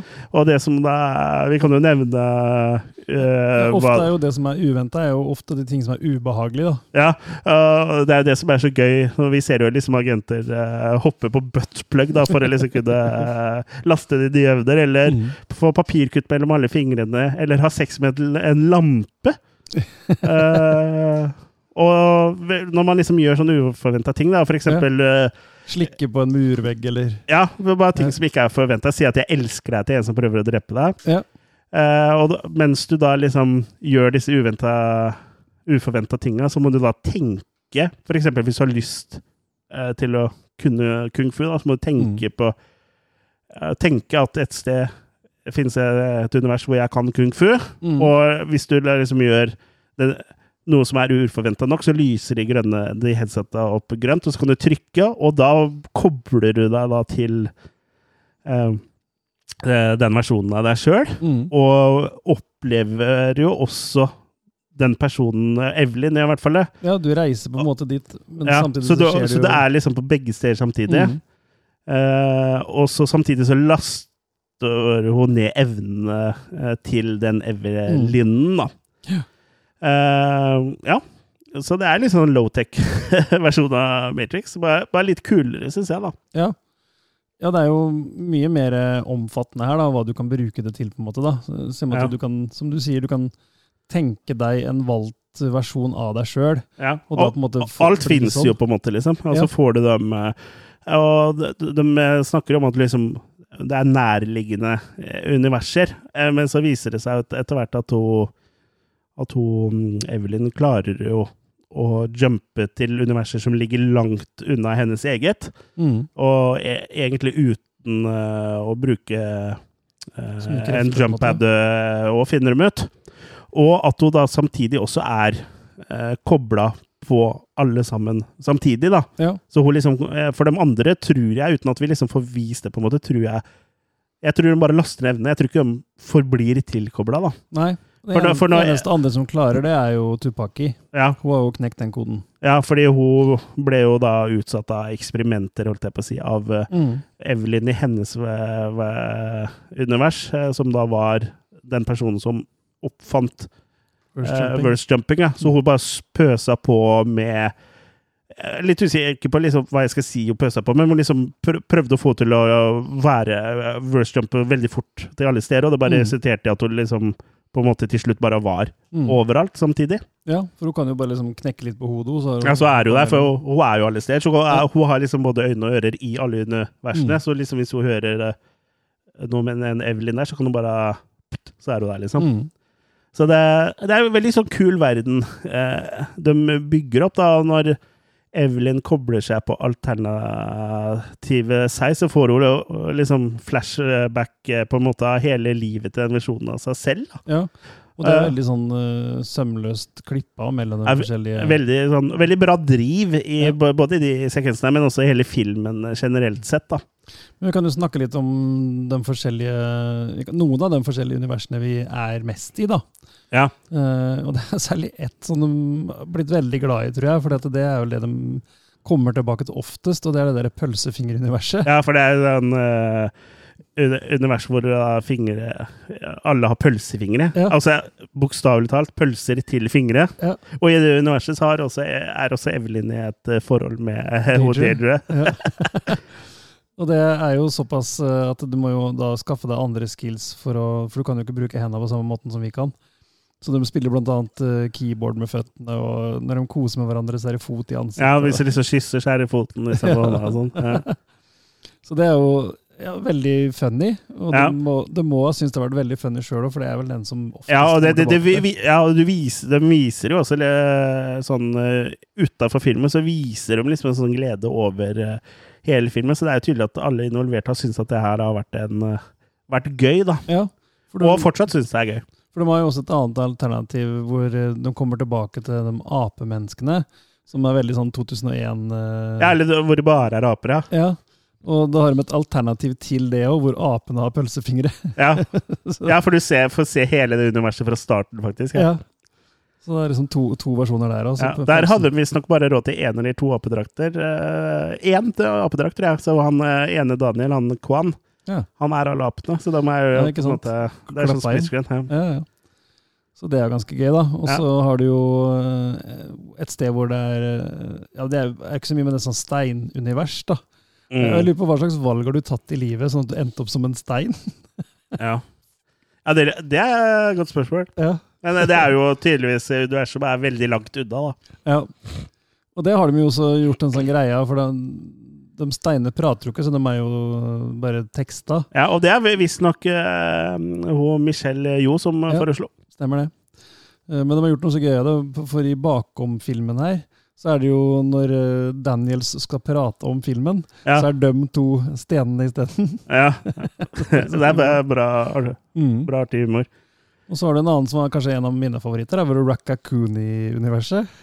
Ja, de Som det er en eh, på en måte en fleip av uh, Ratatouille. Ja, hvor det da er en, eh, en vaskebjørn som styrer en kokk. Ja, Ja. ja, det er veldig gøy. og det er jo rett og slett hun Evelyn som eh, har misforstått eh, hele Ratatouille-konseptet, så hun tror det er en raccoon. Ja. Så, så da blir det raccoon. Det, er, det, det er jo noen som også på en måte eh, har liksom uh, hevder at kanskje at uh, Evelyn visste Eller kjente litt til uh, multiverset fra før av. Kanskje ikke bevisst, men at det er der hun, at hun på en måte hadde sklidd litt over, eller noe sånt. Og at det er Ja, ja. derfor hun hadde hørt om Raccoonie. Da. Så det, det, det er jo det som er med sånne filmer, er at det er jo så mye her, så du kan jo liksom tolke uh, det egentlig litt dit hvor, hvor du vil. I hvert fall sånne Mm. ting, da. Akkurat sånn liksom hovedhistorien rundt her er vel sånn egentlig ganske straight forward. eh, det kan vi snakke om etterpå, da. Mm. eh, om hva filmen egentlig handler om. Eh, men ja, eh, hva er da? Eller det var Raccoonie. Jeg tror egentlig det. Mm. Det er en sånn artig måte det er gjort på, med at det ser ut som den tegnefilmen, da, uten i det å være animert i det hele tatt. da. Mm. Så Ja, det er veldig distinkte stiler og sånn i, ja, i de forskjellige Det kan vi snakke om Det skal vi snakke om litt senere, men det er liksom forskjellige stiler i de forskjellige verdenene da, som gjør at de skiller seg fra hverandre. Ja. Eh, så det, så liker jeg jo de forskjellige martial arts-verdenene, da. ja, der hvor du er sånn kung fu-mester er kul, Ja. og der hvor du eh, Lillefingeren. Ja, Pinkyverse. ja Pinkyverse, hvor hun får eh, biceps med lillefingeren. Fy fader, det er gøy, altså. Ja, det er dritbra. Ja. Men ja, så er den verse-jumpinga er veldig morsom. Altså. Mm. Det buttplug-hoppinga. Ja. Og så fighter de etterpå mot Evelyn med den buttpluggen hengende ut av ræva. Ja. Og de karakterene der heter jo bare uh, Trophy Guy og Big Trophy Guy. de har ikke noe navn. Men hun Jobo Tupake, da, som vi nevnte, hun trenger jo ikke gjøre sånne teite ting da, for å jumpe. Hun bare gjør Hun er overalt samtidig, jo. Ja, Hun har jo til og med skapt et eget uh, univers, på en måte, da, hvor hun har skapa Et svart hull, på en måte. The Bagel. Ja, The Every, Everything Bagel, som er en Ja. ekte bagel. Ja. Eh, Den er ikke svart, da, men han har veldig mye krydder og sånn på seg. Mm. Så det er liksom bare litt sånn Det er bare en artighet at de kalte den eh, det. Men der har hun da putta absolutt alt Mm. fra alle universer, og det er liksom alt mulig. Alle hunderaser, alle uh, karakterkorta hennes, alt, alt mulig, da. Ja, Og så, denne- så det viser seg når du samler alt fra alle univers i ett sted, så blir det en bagel. En slags Ja, sort, sort hull, men samtidig det motsatte av det, liksom. da. ja. Så det, den bagelen er jo som et sort hull, den suger i seg eh, og kan ødelegge alle universer. Og det er den Mm. her Alpha Wayman er eh, redd for skal liksom på en måte suge i seg hele multiverset, da. Mm. Men uh, Jobu Tupake, det er artig navn. Jeg lurer på bakgrunnen for det navnet her. Hun har ikke nødvendigvis laga den for å ødelegge alle universer, da. Det er jo egentlig bare en sånn hendig bivirkning, for formålet hennes var egentlig å ødelegge seg sjøl. Ja. For hun liksom når, Etter at hun var overalt eh, samtidig, eh, så har hun liksom opplevd alt. Og det er liksom ikke noen grenser, så det er, det er ingenting som på en måte betyr noe lenger, da. Det er litt som uh, gutta-filmen til Jokka Valentinerne. Ja. Når, du har vært, når du har vært i Kjøben og London, så har du vært overalt, og da trenger du ikke oppleve noe mer. Nei, ja, litt sånn. ja. Ja. Altså, det er veldig sånn nihilistisk eh, syn, da. Mm. Og øh, Så hun har jo skapt egentlig den eh, begeren bare for å liksom gå inn i den og bare slutte å eksistere sjøl, da. Mm. Uh, og så har hun også vært gjennom alle universer og drept uh, alle Eveliner hun har eh, kommet over, men det er ikke fordi hun på en måte skal ha noe hevn over Uh, alle Eveliner, fordi det var Alfa Evelyn som på en måte gjorde henne til uh, Jubu Tupaki, men uh, det er fordi hun har lett etter en Evelyn som innehar de samme evnene som hun, Mm. som da det viser seg at uh, at Evelyn da har, da. Nå, Mm. fordi hun kan også verse jump eh, uten, eh, uten eh, å bruke teknologi, da. Ja. Og kan også eksistere eh, eh, På det tidspunktet i filmen hvor de er ved den begeren, så kan også hun da eksistere overalt samtidig. Mm. Og det kan jo også tenkes at der, uh, hun på en måte ikke fant den Evelyn-karakteren Laundrymat Evelyn, da, fordi at hun virka vel kanskje veldig ufarlig òg. Kanskje mest usannsynlig at Mm. hun er the one, liksom. Mm. Men der hadde jo Wayman, og du Der hadde jo Alfa Wayman uh, Trodde jo det, da. Nå ble mikrofonen min veldig sånn slapp her. Ja, du slapp i mikrofonen. Men uh, Ja, eh, og Evelyn hun er jo egentlig liksom litt med på den nihilistiske tankegangen. For utgangspunktet hennes var jo ikke så veldig bra, egentlig. Nei, heller. det er noe med det. Nei. Eh, så hun lar seg egentlig friste. Hun da er liksom på vei til å gå inn i bagelen for å avslutte alt, men lar seg da stoppe av Wayman, som i hennes hjemmeunivers, som vi skal kalle det. Mm. Eller det som på en måte har blitt actionuniverset, hvor de fighter. Eh, hvor uh, hun da hører Wayman trygler om hvorfor kan vi ikke bare la være å slåss? Mm. Hvorfor kan ikke alle bare være snille hverandre og behandle hverandre med respekt, selv når ting ikke gir mening? Ja.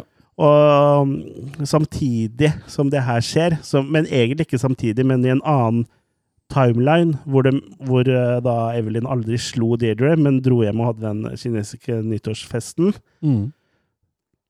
så fortell, øh, fortell Det her skjer samtidig for Evelyn, øh, på en måte hoved-Evelyn. Eh, så, så sier jo da han Wayman at det at han på en måte er så naiv og liksom alltid vil tro det beste om folk og sånn, Mm. at det på en måte er har vært livsnødvendig. da. Ja. At det har vært hans måte å være en fighter på. Det har vært nødvendig for å overleve. At han på en måte har prøvd å, øh, å ly, lysne opp ting. Da. At det liksom er hans Mm. forsvarsmekanisme. da. Mm. Og det her får jo da Evelyn til å snappe ut av det, og øh, redder jo da både universet og seg sjøl og Wayman og, og Joy, da, ikke minst. ja, og familien. Ja. Ja, hun kommer jo så langt at hun kan til og med si til Gong Gong eh, at Joy er lesbisk.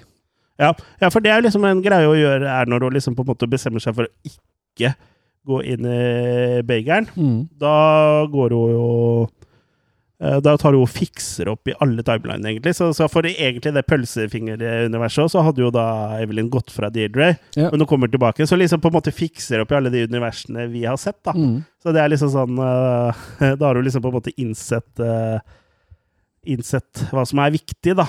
Mm. Og um, snapper liksom ut av det, da. Så da bringer vi jo det oss til torgs over til neste eh, Neste punkt. punkt, som det er eh, Hva handler Everything Everywhere All At Once om? Mm. For det handler det først og fremst om eh, familie, egentlig, og familieforholdet. For i starten av filmen så møter vi en Ja, vi vil jo si at det er en splitta familie. Ja, det er jo det. Det er En litt sånn dysfunksjonell eh, familie som eh, Ja, som sagt, noen har gitt opp, noen syns eh, ting er håpløst. Noen desperat prøver å få ting til å være bedre enn det egentlig er. Ja, det er litt sånn nedarva generasjonstraume, på en måte, som Ja. da starta egentlig da eh, faren til Evelyn, Gong Gong, ikke godtok at hun gifta seg med Wayman, da. Så det er mye sinne, frustrasjon og skyldfølelse også hos Evelyn, da. eh, Ja, som ja. hun igjen eh, da har lempa over på Wayman, da. Som hun i stor grad gir skylden for egentlig alt. Ja. Og det ender jo med at hun skyver han unna, da. Både Mm. fysisk og, og psykisk. Mentalt. Og så handler det jo om generasjonskløftene her, da. Det handler Ja. om at voksne ikke forstår barna sine. Om det er gong-gong til Evelyn, eller om det er Evelyn til uh, Ja. uh, Joy, og i hvert fall fra gong-gong til Joy. ja. Og så er det det at de liksom påfører sitt eget traume, traume over på barna, da. Mm. Mm. Så for Evelyn påfører jo da sine egne traumer over til Joy igjen, som da stadig skyver liksom hun ut av livet sitt, egentlig, da. Mm. Så hun har jo ikke noe Joy er jo stadig mer fraværende i Evelyns liv. Og Mm. det her tenkte jeg egentlig ikke øh, noe på da jeg så filmen, men hun heter jo Joy, dattera. Mm. Glede betyr jo det på engelsk. Hun har liksom Hun skyver jo glede, altså joy, ut av livet sitt. Mm. For det er jo barna som på en måte Eller barnet, da, som eh, gir henne glede. Absolutt. Så filmen handler sånn veldig enkelt fortalt om at Evelyn da må ta et oppgjør med egne traumer, for hun gir jo alle skyld, andre skylda for at livet hennes suger. Ja, ja. Men i virkeligheten eh, så er det jo egentlig Evelyn eh, som drar ned Wayman og Joy, liksom. Mm. Ikke motsatt. Ja, absolutt. Eh, det handler også om en del andre sånne jeg kaller det floskler, da, om at gresset er ikke nødvendigvis grønnere på den andre sida. Mm. Og at du, når du lever et sånn litt kjedelig liv, så vil du på en måte alltid drømme om et annet liv, da. Og det her Mm. viser kanskje Ja, multiverset kan jo være en metafor for andre liv du ikke kan gjøre annet enn å drømme om. Ja. Istedenfor å leve det, så må du drømme om dem. Eh, og da er spørsmålet er det nødvendigvis bedre, da. Ja. ja, for det er jo det hvis du har alt, og Mm. har opplevd alt. eh, Det er jo det på en måte det med å eh, Som Evelyn og uh, Tupaki opplever, da, er at de har jo opplevd eh, alt, så det er ikke noe igjen å oppleve. Mm. For hver gode ting har det vært en katastrofe, men alt skjer samtidig, så alt blir bare støy. Mm. Ingenting spiller noen rolle. Og det er jo sånn veldig nihilistisk livssyn. eh. Og da er det liksom sånn Når du ikke har noe Det blir liksom ikke noe ups and downs, så det er liksom bare flatt. Så det er, det er liksom Det er ikke noe mening, da. Nei. Nei. Og det er jo liksom den everything-bageren representerer jo det her, da. Ja. Det er bare et svart hull, liksom. Menings... eh, me- er meningsløst, liksom. Bagelen er, er liksom depresjon da, og ødeleggelse. Det er ikke noe annet. Det er liksom bare alt som er dritt. Og da har du Google Eyesen, som er det motsatte, da. For de har Ja. jo det svarte i midten, altså den hvite sirkelen rundt, da. Som blir Mm. sånn mot, motsatsen til bagelen. Ja, så det er sånn uh, yin and yang, da. Ja. Uh, for du, det ene kan liksom på en måte egentlig ikke eksistere uten det andre, da. Andre, nei. Så der hvor liksom den bageren er eh, den mørke depresjonen og, og tristheten, da, så er det den googly eyes er jo det motsatte, da. Mm. Og akkurat som uh, bageren og googly eyes er yin og yang, så er jo Evelyn og Wayman også yin og yang til Mm. hverandre, da. Mm. For Evelyn er jo liksom nihilist, mens eh, Wayman er jo optimist, liksom, på Ja. det, grensa til uh, uh, naiv. Mm. Men som han da sa i filmens vendepunkt, da mm, Evelyn eh, lot være å gå inn i begeren, Mm. eh, det er hans måte å overleve på, da. Ja. Det å være naiv og alltid se det positive i ting. Ja. Det handler også om eh, at alle må finne lykken i tilværelsen, da. Ta vare på dem rundt deg, og så sette pris på de fine stundene. For det er ikke livet generelt, liksom, men det er de gode stundene som overskygger hverdagens strev, da. Mm. Så ta vare på de fine stundene i et ellers kanskje Kall det grått liv, da. Ja, Og jo, og, f- jo flere sånne stunder du skaper for deg sjøl, det er da du skaper lykke, da. ja, og ikke minst ta vare på de som gir deg lykke. Ja. De som gir deg joy. Og her er det jo eh, ved det, Her eh, henviser da veldig spesielt til Wayman, for han har jo gitt Evelyn joy, Mm. bokstavelig talt. Ja, ja, og gitt en datter som heter Joy. Ja. Um, Han har jo en ting han sier òg, når uh, ting ser som mest håpløst ut. da. Så sier han 'be kind, especially when you don't know what's going on'. Mm. Og det er jo liksom oppsummering av, av det, da. At Det er veldig naivt, men det er Mm. samtidig veldig fint, da. Ja, og veldig sant, liksom. Ja, ja. Du vet ikke nødvendigvis hva de andre har opplevd, Mm. så sørg for å være snill. Sørg Mm. for å ta vare på hverandre. Sørg for å ja. Mm. Og Og sånn, også ah, at valg for, for konsekvenser er jo selvfølgelig også et tema her, da. ja. At alle valg du tar og gjør, Mm. vil få en konsekvens, da. Ja. Og så er det litt sånn artig bilde også på når hun bestemmer seg for å ikke gi etter for uh, eh, depresjonen og den svarte begeren, og liksom bestemmer seg for å fikse opp i timelønnen og liksom eh, eh, leve det livet hun har, da. Så Mm. tar hun en av de Google-øya til eh, eh, Wayman og putter i panna, så, så, som et eh, tredje øye, da. Ja. Og det er jo, blant annet i taoismen, eh, så betyr jo det tredje øyet at man er opplyst, da, at man liksom kan se forbi det overfladiske. Så det er veldig sånn Mm. Ja, det er veldig Jeg får ikke Daydread sånn ganske tidlig i panna, hun òg? Nei, har, eh, alle henchmennene har eh, ikke tredje øye, men de har en svart bagel. Ja, selvfølgelig. Så det er det motsatte. Det Er det motsatte? De, eh, eh, akkurat Deirdre tror jeg tar opp en Post-It-lapp og stifter, Stifter, i panna. Stemmer, Mens de andre tegner den inn. Så, det er liksom Ja, bare på en måte Sirkelen kommer stadig vekk. Når de er på Ja, den første audit-scenen, og så blir det sirkla rundt Ja, så er det den eh, bageren, eh, mm. på en måte. Og der er det også en sånn eh, metafor, da, eh, i forhold til fargestifter, da. mm. Som jeg leste en annen tolkning på nettet, er at hvis du har en eh, boks med jeg si 100 fargestifter og tegner liksom en sirkelmaler, til slutt så blir det svart når alle fargene blir så eh, blanda. Ja, ja, ja. Mm. Ja, så det er liksom bedre å ta favorittfargene sine og holde seg til dem, for da Mm. blir liksom livet Eller alt blir. Ja. Mm. Så det er dypt, det er dypt her. Absolutt. Og vi er, føler oss veldig smarte når vi sitter og liksom tolker og er filmprofessorer, vil jeg vel si at vi er nå. Ja, og så liksom måten de har laga det her på, da. Måten de har fått alle disse dype temaene. eh, fått med seg ja, en historie oppi dette her. De har virkelig noe å fortelle på mange forskjellige plan. da. Ja. Og måten de gjør det på, er jo med et filmuttrykk som viser også en kjærlighet til filmmediet. Ja, absolutt. På en måte som få andre filmer eh, klarer, da. Mm. Det er mange som sikkert vil, mange som har prøvd, men det er få som er på det planet her, da. Ja, det er veldig sånn, sånn som vi ofte eh, Jeg føler at det er en, eh, en egenskap vi ofte se, ser etter i filmer, da. eh, Er at det er en slags, slags kjærlighet til filmen. Mm. her, har jo, her er det ikke noe med budsjettet eller noe som på en måte gjør at det ser litt cheesy ut, eller noen ting som helst, for det ser veldig bra ut, og alt er veldig bra. Mm. Men ve veldig ofte så har litt sånn halvdårlige Eller sånn, ikke halvdårlige, men sånn slasher-filmer. Sånn eller skrekkfilmer, da, som vi har snakka en del om, hvor det er så veldig tydelig at uh, de som eh, lager filmen, elsker det, da, men kanskje Mm. ikke har hatt uh, nok budsjett, nok penger, nok Ja. utstyr. Men så likevel så blir det en bra film, da. Absolutt. Fordi på en måte um, vilje er der, og det skinner jo liksom igjennom. Og det skinner jo veldig gjennom her også. Det er ikke noen som har half Eller half, nå ble jeg britisk. Half-assed. Det er ikke noen som har half-assa den filmen her. Nei, det er ikke det. Og det er egentlig ganske bra gjort, for det er jo, som jeg sier, disse um, Daniels, det er deres andre spillefilmer, som jeg har skjønt. da. De har laga små eh, kortfilmer og sånn, Ja.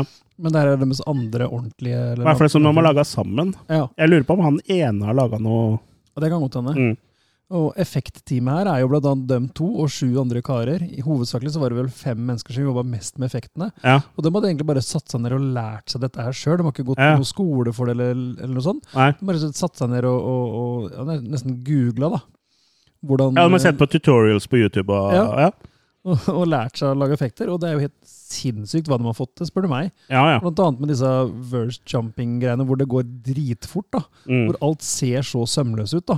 ja. Og mye av det er jo bare fortfilm eh, som spilles eh, av bak eh, Eller det er jo sikkert lagt på ettertid, da, men Mm. at de eh, lyser forskjellige ting på Evelyn, og som uh, løvblåsere og, og sånn. Men Ja. Alt i bakgrunnen der tror jeg de hadde brukt eh, et år Filma sånn samla i et år i forveien eller Ja, ikke sant? Mm. For det skal jo være forskjellig makeup, forskjellig hår, forskjellige klær, forskjellige ting. Og så skal det matche med bakgrunn. og så skal det, ja, Det er jo helt sinnssyke greier som er satt sammen. da. Mm. Uh, og så er det mye nods til andre filmer her, blant annet med dialog da, og stil. Uh, sånn småtteri som den AP-scenen som vi sa fra 2001, det er jo veldig obvious, og selvfølgelig Matrix, da. Ja. Uh, men helt ned til sånne små ting som at han K i en scene sier 'snap her', og vi vet Ja, sånn som man, Som man sier til indie- Indie. Ja. Ja. Eh, og hele den filmstjernesekvensen er jo henta fra en sånn stil som Mood for Love-filmen. Ja. Vi kan uh, spare snakke litt mer om stiler. Bare gjøre oss litt sånn ferdig med um, hva det moralen er, holdt jeg på å si. For den Mm. den tror jeg ikke vi helt fikk oppsummert. Mm. Uh, hvis det går bra, da. ja, du, du har mer på tapetet der? Ja da, eh, jeg har litt grann til. For eh, det er jo bare det at Bare for å rappe det opp, så er jo det at Evelyn har jo opplevd alt samtidig. Og Mm. liksom sånn Etter på en måte å, å ha klart å legge fra seg det nihilistiske, så har hun jo innsett at hun vil være i sin egen eh, eget univers, sin egen Mm. tidslinje, hvor hun, med Wayman, da, hvor de driver en laundromat som en eh, familie. Mm. Så klarer liksom å patche opp uh, der igjen, da. Mm. Med en liten tvist, da. Hun blir jo på en måte liksom venner med Deidre, på en måte. Ja. Så hun får liksom hun med seg litt på laget. ja. Eh, men det er jo også bare fordi hun er en bedre person, på en måte. For å liksom se litt lysere på, klarer å vise Wayman eh, kjærlighet. Og Mm. hun har blitt venner med faren din etter å ha konfrontert han med at uh, den utfrysninga etter at hun gifta seg med Wayman, og fortalt han at uh, Joy. Joy. er lesbisk, og han godtok det, liksom. Så det er, det er liksom mye sånn agg som har ligget der, som, eller som ikke nødvendigvis har vært nødvendig, da. Som hun, har liksom bare båret på, som egentlig hun ikke hadde behøvd. Ja, og, og, og det er jo typisk, er det ikke det? Mm. Ja, ja. At man går og bærer på masse aggresjon som er eh, eh, Og depresjon som er helt unødvendig. Og Mm. nå er jo da eh, Nå kommer vi liksom på wrap-upen på eh, liksom tolkning eh, slash moral her, er at nå er jo også da joy slash eh, Altså les glede tilbake i livet hennes, da. Mm. Uh, og mange filmer liksom viser jo på en måte sånn uh, sånn film, Ikke filmtrikk sånn uh, på den måten, men nei, den viser liksom ting i sirkler, da. Mm. For eksempel så, så jeg, leser jeg et eksempel på dette at i en film at en liten gutt liksom ser en, en sånn likbil kjører forbi med en uh, kiste med en død person baki, men liksom bare tenker at det er liksom uh, helt uh, Ikke noe å bry seg om, liksom. Mm. Mens liksom, for eksempel da mot slutten av filmen, så er den gutten voksen eh, på en måte, og liksom ser det, og for eksempel kjører den likbilen, og så ser en gutt, og så blir liksom det Da har du fått den erfaringa, da er liksom Ja, ja. sirkelen slutta, på en måte. Mm. Og sånn er det jo også her, for når filmen starter, og liksom eh, Evelyn leter etter papirer eh, og sånn før de skal til skattevesenet, så gjør hun det alene. Ja. Men i filmens eh, tredje akt, da, hvor liksom eh, hun har på en måte patcha opp, og hun har godtatt at sånn her er eksistensen min, og det er det her som betyr noe for meg, så hjelper alle til med å lete fram papirene. Og så når de er hos um, skattevesenet, da, så er jo alle Da er jo hun der, Wayman og Gong Gong. Men de er liksom veldig sånn nedtrykt og liksom sånn slitne og, Mm. og ikke noe glad. Mens liksom eh, på slutten, når de er der, eh, så har de jo joy. Både da at hun er med der, Mm. for familien er hel, og at de liksom Du ser at de er mer glad, da. Mm. Og det er jo også et tidspunkt på, helt på slutten av filmen hvor hun da soner ut, uh, hun Evelyn, sånn som hun gjør i starten av filmen når hun snakker med Alfa Wayman i bøttekottet. Men eh, her klarer hun, i motsetning til starten av filmen, da, å hente seg inn igjen. Når Deirdre spurte hører du hva jeg sier, så sier hun her i Sier da Evelyn liksom, ah, 'Unnskyld, jeg hørte ikke, hva sa du?' Liksom litt sånn høflig, istedenfor Mm. bare å være defensiv og sinna, sånn som hun var i starten av filmen. Da. Så det viser jo at hun har hatt en progresjon her. da. Hun har liksom utvikla seg så, som Så- karakter. da. Gjør de vel et valg òg med papirene, at det er et sånt papir de ikke submitter, da. Ja. Som var vel kanskje strået som gjorde at IRS ville tatt dem Ja. i den nihilistiske versjonen, da. Ja, ikke sant? Så liksom eh, Før vi går over til å snakke om eh, stiler og sånn, så er liksom moralen er jo da, eh, som vi egentlig har toucha inn på, lev i nuet, da. Ikke gnag på fortiden. Mm. Hva, eller hva du kunne gjort annerledes tidligere i livet ditt, for det er det er for seint å gjøre noe med. Mm. Ta heller og liksom fokusere på eh, nå, Ja. og ikke de sjansene som eh, du skulle ønske du tok. Mm. Eh, vær takknemlig for det du har, og utnytt tiden din med de du er glad i nå. Mm. Ikke sant? For det kan jo en Du kan jo ønske deg masse ting, og at ting var annerledes, men det er ikke sikkert at du blir noe lykkeligere av den grunn, liksom. Nei, mest sannsynlig ikke. Nei. så det kan hende at eh, hvis du hadde valgt et annet, hatt muligheten til å velge et annet liv, og så sitter du og bokstavelig talt har alt, så kanskje savner du på en måte det du hadde før, som du ikke har lenger. Mm. Den ene tingen. Mm. Det sier vel en del folk i, i livet. Og det er mange som misunner kjendiser og sånn. Ja. Men eh, det er jo ikke noe tvil om at det er veldig mange av dem som har nok å slite Og der, med. si der sånn. er det mange som misunner vanlige folk igjen. Ja, akkurat det. Jeg så en podkast på YouTube. Den finnes også i sånn lyttepodkast, som de fleste videopodcaster også gjør. Mm. Men eh, med hun og husker jeg ikke helt hva hun heter, Mia Bailik eller noe? Hun som Ja, ja. spiller Blossom, Mm. og hun i Big Bang Theory. Mm. Og hadde Corey Feldman som gjest. Ja, ja. Og han snakka jo om at uh, han, når han Da han var ungdom, så var han jo narkoman og alt mulig. Han, ja, han var liksom misunnelig på han. Han fikk jo aldri muligheten til å velge om han kunne ha vanlig, en vanlig oppvekst, da. Mm.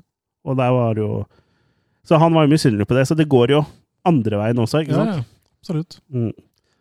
Men ja, eh, skal vi ta Vi toucha vel innom uh, sånn careful, careful what you wish you just might get it. Ja, ikke sant.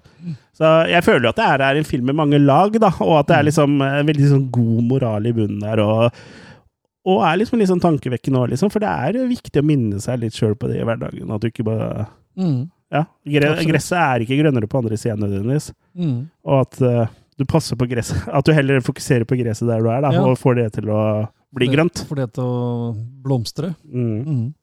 Det er sjeldent vi er så dype og, i denne podkasten her. Nå må vi komme med en eller annen eh, vits. På sparket. Ja, nei, vi fikk det ikke til. Vi er for, vi er for dypt inne i eh, seriøse moods nå. Men ja, over til eh, film og sånn. Du snakka om det film, i filmstjerneuniverset. For, Ja. for det, bare for å oppsummere, så bytter jo litt eh, Det bytter jo ofte stiler her. Ja. Og blant annet eh, aspect ratios og sånn òg. Ja, det også byttes. For å vise ja, eksempel det at når hun begynner å mestre multiverset, da, hun Evelyn, Ja. så endrer hun aspect ratio. Det, sånn, eh, det går fra 16 i til 2.35 Mhm. til 1. Det er altså litt sånn mer sånn Ja, sånn actionfilm Actionfilm-type letterboxing, da. Ja.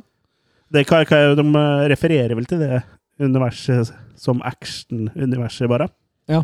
Som er det som på en måte tar utgangspunkt i i det første Evelyn-universet, da. Mm. Nei, også, det, er jo mange, det er så mange sånne små ting hele tida, da. Eh, når hun har den derre eh, Pinky Finger-universet, så er det jo blant annet inkorporert en del spillyder, da. Ja. Så når hun driver og Den fingeren høres litt ut som sånn Bud Spencer-slag, men ja. det er jo mer sånn fra spill, egentlig. Sånn, eh, Ja, det er kanskje. Super, Super Mario Bros. et eller annet, tror jeg, eller noe. Mm. Akkurat det kung fu-universet minner liksom litt om sånn eh, ja, Han har jo tatt det fra andre filmer igjen, da, men som Lady Snowblood og sånn, men det minner liksom litt om eh, en treningsmontasjen i mm, Kill Bill. Ja, ja, absolutt. Som igjen er henta fra Alle andre sånne martial arts-filmer, Ja. nesten. Ja. Det er jo alt fra ja, Drunken Master vi har sett og tatt for Mm. oss, er jo sånn type scene og ja. veldig mange sånne martial arts-filmer er jo sånn. De har en sånn Det er dømmes svar på coming of age, det. ja, Det er alle sånn- fighting-filmer eh, har jo Ja, og har jo det. Karate Ja. Kid. Mm. Ja. Så absolutt. Ja, og flashbacksa, da, som eh, og Evelyn eh, får se til den nye Evelyn og kobler seg på, er jo da i 4-3. Det er vel Mm. kanskje der det er lettest å legge merke til at det Ja. skifter aspektratio, for det er ikke alltid jeg legger merke til at det går fra 16 til 2, 35 til 1. Nei, for det er så sømløst lagd òg, da. Ja, og det er morsomt at den liksom glir inn eh, Mm. noen ganger også. Mm. Mm. Men ja, det er ikke bare aspect ratioene, for det er jo også eh, Selve utseendet og måten det er lyssatt på og filma og sånn, er litt sånn eh, Er jo forskjellige. Du nevnte Ja. jo det filmstjerneuniverset. Ja. Som er sånn Car Wai Wong-type film, da. Sånn eh, ja, kinesisk kjærlighetsfilm, på en måte, da. Ja, og litt sånn eh, I hvert fall da, når de er inni um, Ja, det ser påkosta ut, på en måte, da. Det er det, det er, Glamorøst. ja, eh, for det er kanskje en uh, filmstjerneuniverset som ser mest Hollywood ut, på en måte. Eller Ja. hva jeg skal si, liksom mest glamorøs, ja. Der Og de har jo til og med klippa inn en ekte scene fra hun har vært på sånn award-greie før. Ja, det er kult, da. Ja. Ja. Men det er jo gjort så sømløst òg, så du ser jo ikke forskjellen. Nei, du tenker ikke over det. Og det hjelper jo også sikkert, for jeg vet jo ikke Jeg vil jo tro at det materiellet er filma på mer sånn type TV-filmkamera, at det liksom på en måte skiller seg litt ut i kvalitet. Men. Ja, når det de gjør det i sånn fire-tre år og legger på litt sånn flashback-filter og sånn, så funker det veldig bra, da. Og så den nevnte Rakakuni-scena, som ser ut som en tegnefilm uten å hele tatt være animert på noen som helst måte. Ja, Liksom. for det er animert på den andre måten, da, med Ja. liksom skuespill og ja. Så det er også fantastisk tribute der. Ja. Eh, Ja, ja. Det, det er liksom sånn million sånne ting en kan plukke fram. Det er masse småting. Også sånn Det er vel på et eller annet tidspunkt eh, hvor hun på en måte raser gjennom alle de forskjellige Evelyn i alle universene, hvor hun bare Det, det er på en måte hundrevis av, bilder av hun Evelyn rett forfra, Mm. da. Og det er jo liksom bare at det, det å gjøre det, det Ja. er veldig tidkrevende. Akkurat det. Det er som jeg sier, Hvert bilde så kan hun ha forskjellig sminke eller forskjellige klær, eller forskjellige, for hun har jo Og- forskjellig Ja, og forskjellig bakgrunn. Ja, det er Man fantastisk. kan jo tenkes at det er gjort på noen blueskunder, eller noe, men det er jo i hvert fall en annen bakgrunn Ja. på alle. Og så er det vel en sånn pinjata-univers. og det ser vel nesten mer ut som det er filmet med sånn hjemmekamera til en bursdag eller noe sånt. Så Ja, ja. ja. Det er litt mer sånn eh, Da folk bruker pinjata, liksom. Ja. Mm. Nei, så det er utrolig mye Og det er jo også morsomt i det litt noen artig detalj i det steinuniverset som vi har nevnt, hvor ja. da Jobo Tupaki og Evelyn er bare to steiner. Mm. Eh, så hadde jo Daniels planer om å filme dette her med Imax-kameraer, som er liksom Ja. det dyreste du kan filme i. eh, som også er liksom det største eh, formatet sånn eh, eh, fysisk sett, da. Mm. Og, men det var liksom mest basert på humor, da, fordi sånn andre eh, regissører og sånn eh, Det er det er ikke så mange filmer som er filma 100% med IMAX. Det er jo en del. Mm. Eh, Men sånn som Dark Knight, blant annet, Batman-filmen til Christopher Nolan. Nolan. Der er bare noen av actionscenene filma i IMAX, da. Mm. Altså når de scenene er Der er det ikke sånn som glir opp og ned, da, men da er det jo Hvis du ser det på en TV hjemme, så fyller du det hele skjermen istedenfor den 235 til 1 Mm.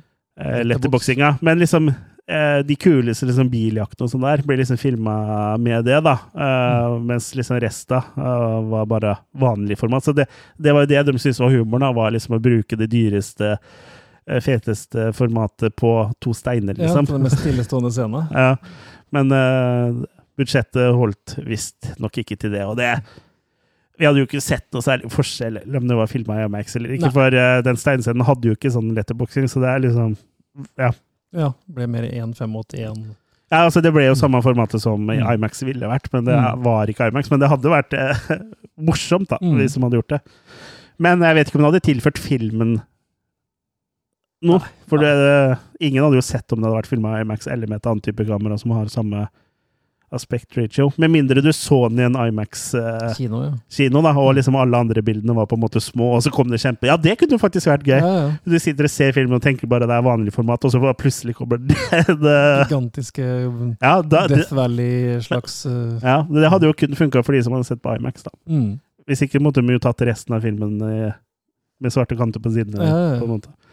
Men det er en artig greie, da. Ja, absolutt. Så de, eh, nei, de har gjort seg så flid der, altså både, og det er liksom Det er så mange sånne ting, da, både i manuset og i drivet her, eh, men også selvfølgelig, som vi sier, i effektene og, og alle valga de har tatt. eh, Ja, filmatisk og, og alt, da. Det er utrolig eh, innfløkt, men det er lagd på en sånn måte at det bare går helt sånn sømløst hele veien. Ja, det, er vanskelig å sammenligne det med noe annet, egentlig. For det er liksom Det er laga på en helt annen er, en, det er noe helt eget, da. Mm. Det er inspirert av mye, men det blir Helt eget, ja. Ja, den tar liksom eh, Den tar masse herfra og derfra, fra forskjellige steder, liksom, og så lager Mm. sin egen bagel, eh, på en måte. Ja, ja, ja. Det er nesten litt sånn uh, Tarantinos tankegang, da. Men allikevel ikke i nærheten av å sammenligne med han allikevel. Nei. Det er liksom Ja, nei eh, Jeg lurer på om Tarantino syns det her er kult, eller om han på en måte har blitt litt for gammel og sur til å synes at det er kult. For han er liksom på en måte havna litt over der eh, nå. Ja. At han er liksom litt sånn gammel og sur, hvis, jeg, hvis du skjønner. Ja, absolutt. Jeg liker filmene hans. Han skal jo komme med en siste nå, som heter uh, The Movie Critic. Ja, ikke sant? Det blir sikkert surmaga film. Nei, jeg tror den er basert på uh, en kvinnelig filmkritiker som jeg tror døde i 2003, som er den eneste filmkritikeren han egentlig har likt. ja. Kjærlighetsbrev til henne. Ja, det er sikkert. Jeg håper ikke den blir Jeg håper i så fall, da, uten at jeg kjenner noe til historien eh, hennes, så håper jeg at det blir litt fiktivisert, for jeg tror ikke Ja, det må vel gjøre. Det at det liksom eh, ja, At det blir litt mer action. For Jeg ser ikke for meg at hun har vært i så mye action. Hun har sikkert møtt masse kjendiser, men det er ikke noe gøy. Det blir to og en halv time med Christopher Walken sitter og leser opp alle anmeldelsene hennes. Ja. ja. Det er en bra måte å avslutte filmkarrieren på. Ja, da avslutter du den iallfall. Ja. Det er ingen som hyr han noe mer etter. ja, han blir jo ikke hyra heller, det er jo det han Han Nei, eh, la, lager det han vil, han. Ja. Og så hvis andre har lyst til å se på det, så er det greit. Ja. Type? Hvis ikke det blir en Star Trek horror-movie da, som han drømmer om. Ja. Nei, det ble, ble visst ikke noe av det. Nei, Men det eh, det er jo en film som har eh, Har du noe mer å si om det visuelle uttrykket, egentlig? Vi har vel på en måte eh, Runda det. Ja. Mm. Det er en film som har vunnet veldig mye priser. Da. Det er faktisk Mm. den mestvinnende filmen noensinne. Altså Ja. i historien. Det fins ikke en film som har vunnet så mye Nei, du må nesten, vi må nesten slå opp eh, as we go, for at uh, Jeg vet ikke om det er helt oppdatert heller. jeg sjekka i stad, så hadde den 308 nominasjoner. 345 priser vunnet. Ja. Ja. 388 nominasjoner, men det kan godt hende man har få- pøsa på. 352 noe, priser. Ja, ikke sant? Da har det kommet sju stykken siden jeg satt og sjekka i stad. Ja. ja, den har jo Ja, har jo vunnet sjukt mye. Vi kan jo gå gjennom Oscarene, da, som kanskje er det liksom mest Ja. eh, heng... eh, Nei, eh, heng, høythengende. Høythengende. Den har vant jo blant annet for eh, beste originale screenplay. Mm. Og det skjønner vi jo, for jeg lurer på åssen det manuset her. Jeg har lyst til å lese, føler jeg. For, Ja, ja. Uh, og man liksom skjønner greia av å lese manuset. Jeg ser for meg litt som når Hvor eh, detaljert er det manuset, liksom? Jeg ser for meg litt som når uh, Freddie Mercury skulle pitche Bohemian Rhapsody til resten av bandet. Ja. Det er som å sitte og lese Hva heter det? Synger han der? Scaramouche, Scaramouche, Scaramouche. will you do the fandang? Og de satt og klødde seg i hva faen er det her? Han visste hva han gjorde, da. Ja, han visste hva han gjorde. Kanskje Ja. det er litt sånn her òg, da. At de sitter og leser manuset. Hva faen er det her? Og så, Ja. oi, det funka jo. Ja. Neida, det, det blir sikkert mulig å få tak i Ja, Altså, Den har jo vunnet for beste screenplay, så jeg, jeg vil jo tro Men liksom, når du vinner da, ser du bare på filmen og hvordan den er løs, eller leser du manuset òg? Ja, De det, må jo lese manus òg, eller kanskje jeg vet ikke. Hvordan skal du vite hva som er forskjell på Ja. screenplay og Ja, det er jo ikke en adopsjon der, det er jo original screenplay, Ja. så ja, og den er jo skrevet av Daniel ganger Mm. to sjøl. mm. Så det er jo ikke gærent, det. Nei. Og så vant den jo også for beste film. Mm. Uh, Beste biroller. beste, ja, beste mannlige og kvinnelige biroller, altså da henholdsvis eh, Kei Hui Kwan Mm. og Jamie Lee Curtis. Mm. Jeg må bare igjen si at det var eh, veldig rørende når han eh, Kei vant også. Og veldig rørende også Jeg vet ikke om eh, du har sett noe av det Oscar-greiene, men helt på slutten av sendinga så deler de jo ut til beste, beste film. Mm. Og jeg tror, den, jeg tror den som uh, tok avgjørelsen om at det var Harrison Ford som skulle dele ut den prisen, visste uh, hvilken film som lå i konvolutten. For det ble jo en, en sånn utrolig artig gjensyn som har blitt en meme, liksom, hvor du ser Mm. sånn uh, 1984, hvor du ser uh, Harrison Ford og uh, Key klemme hverandre, og så i 2023, da. Mm. Han fortalte vel et annet sted at han hadde jo møtt den i forkant av det her òg. Ja. Hvor han bare liksom Å, jeg ser at det er Harrison Ford der, og jeg tør ikke å liksom trenge meg på Jeg, hva- hva- jeg visste ikke om han skulle kjenne igjen. og sånn. igjen, og så bare kommer han fra andre sida av rommet og Is that? Og så Ja. Ja da. Det er godt å se at Harrison Ford også kan uh, være glad, si. Ja. For han virker så Han virker sur. glad, altså. Ja. Ja, men jeg tror han bare er ukomfortabel med media og sånn. Men det er liksom så rart at han eh, på en måte ikke har klart å bli vant til det etter å ha jobba i film i 70 år. Ja, ja. Ja, altså Liten overdrivelse her, men eh, ja, det faen, det er ikke så innmari langt unna heller. Det er jo ikke det. 60 år, i hvert fall. Mm. Over 60 år. Mm. Mm. Jamie Lee Curtis også, veldig, ble veldig glad, hun også. Mm. Så, eh, det er liksom noe spesielt Alle blir jo sikkert glad for Oscar, men liksom, jeg føler liksom at eh, sånne filmer som det her fortjener det litt. For det, det er så atypisk Hollywood, da. Mm. Altså, det er jo innafor maskineri, maskineriet, Ja, ja, ja. eh, men jeg føler at på en måte at det er litt mer på Det er jo på indiesida. Mm. De må jo forholde seg til sånn fagforeninger og sånn, det Hollywood-systemet. Men de liksom på en måte De har liksom gjort det med liksom på en av kjærlighet for prosjektet, og det er liksom Mm. ikke Det er ikke penga det går på, da. Det er ikke Disney-konsern eller eh, Nei, det er ikke, det er ikke noe sånn eh, Ja, og så bare liksom se liksom at eh, Det ser, ser du jo på hvis du ser den Oscar-sendinga også. De er liksom en Eller du ser jo intervjuer med de, eller uh, whatever. Det er liksom en sånn enhet, da, mm. den gjengen her. Så det, det er liksom um, Vel fortjent. vel fortjent, ja. Mm. Vant jo også for beste regi. Ja. Og beste Kvinnelig hovedrolle. kvinnelige hovedrolle vant jo Mm. Michelle Yo. Yeoh. Og ble også rimelig Klipp på, tru? rørt.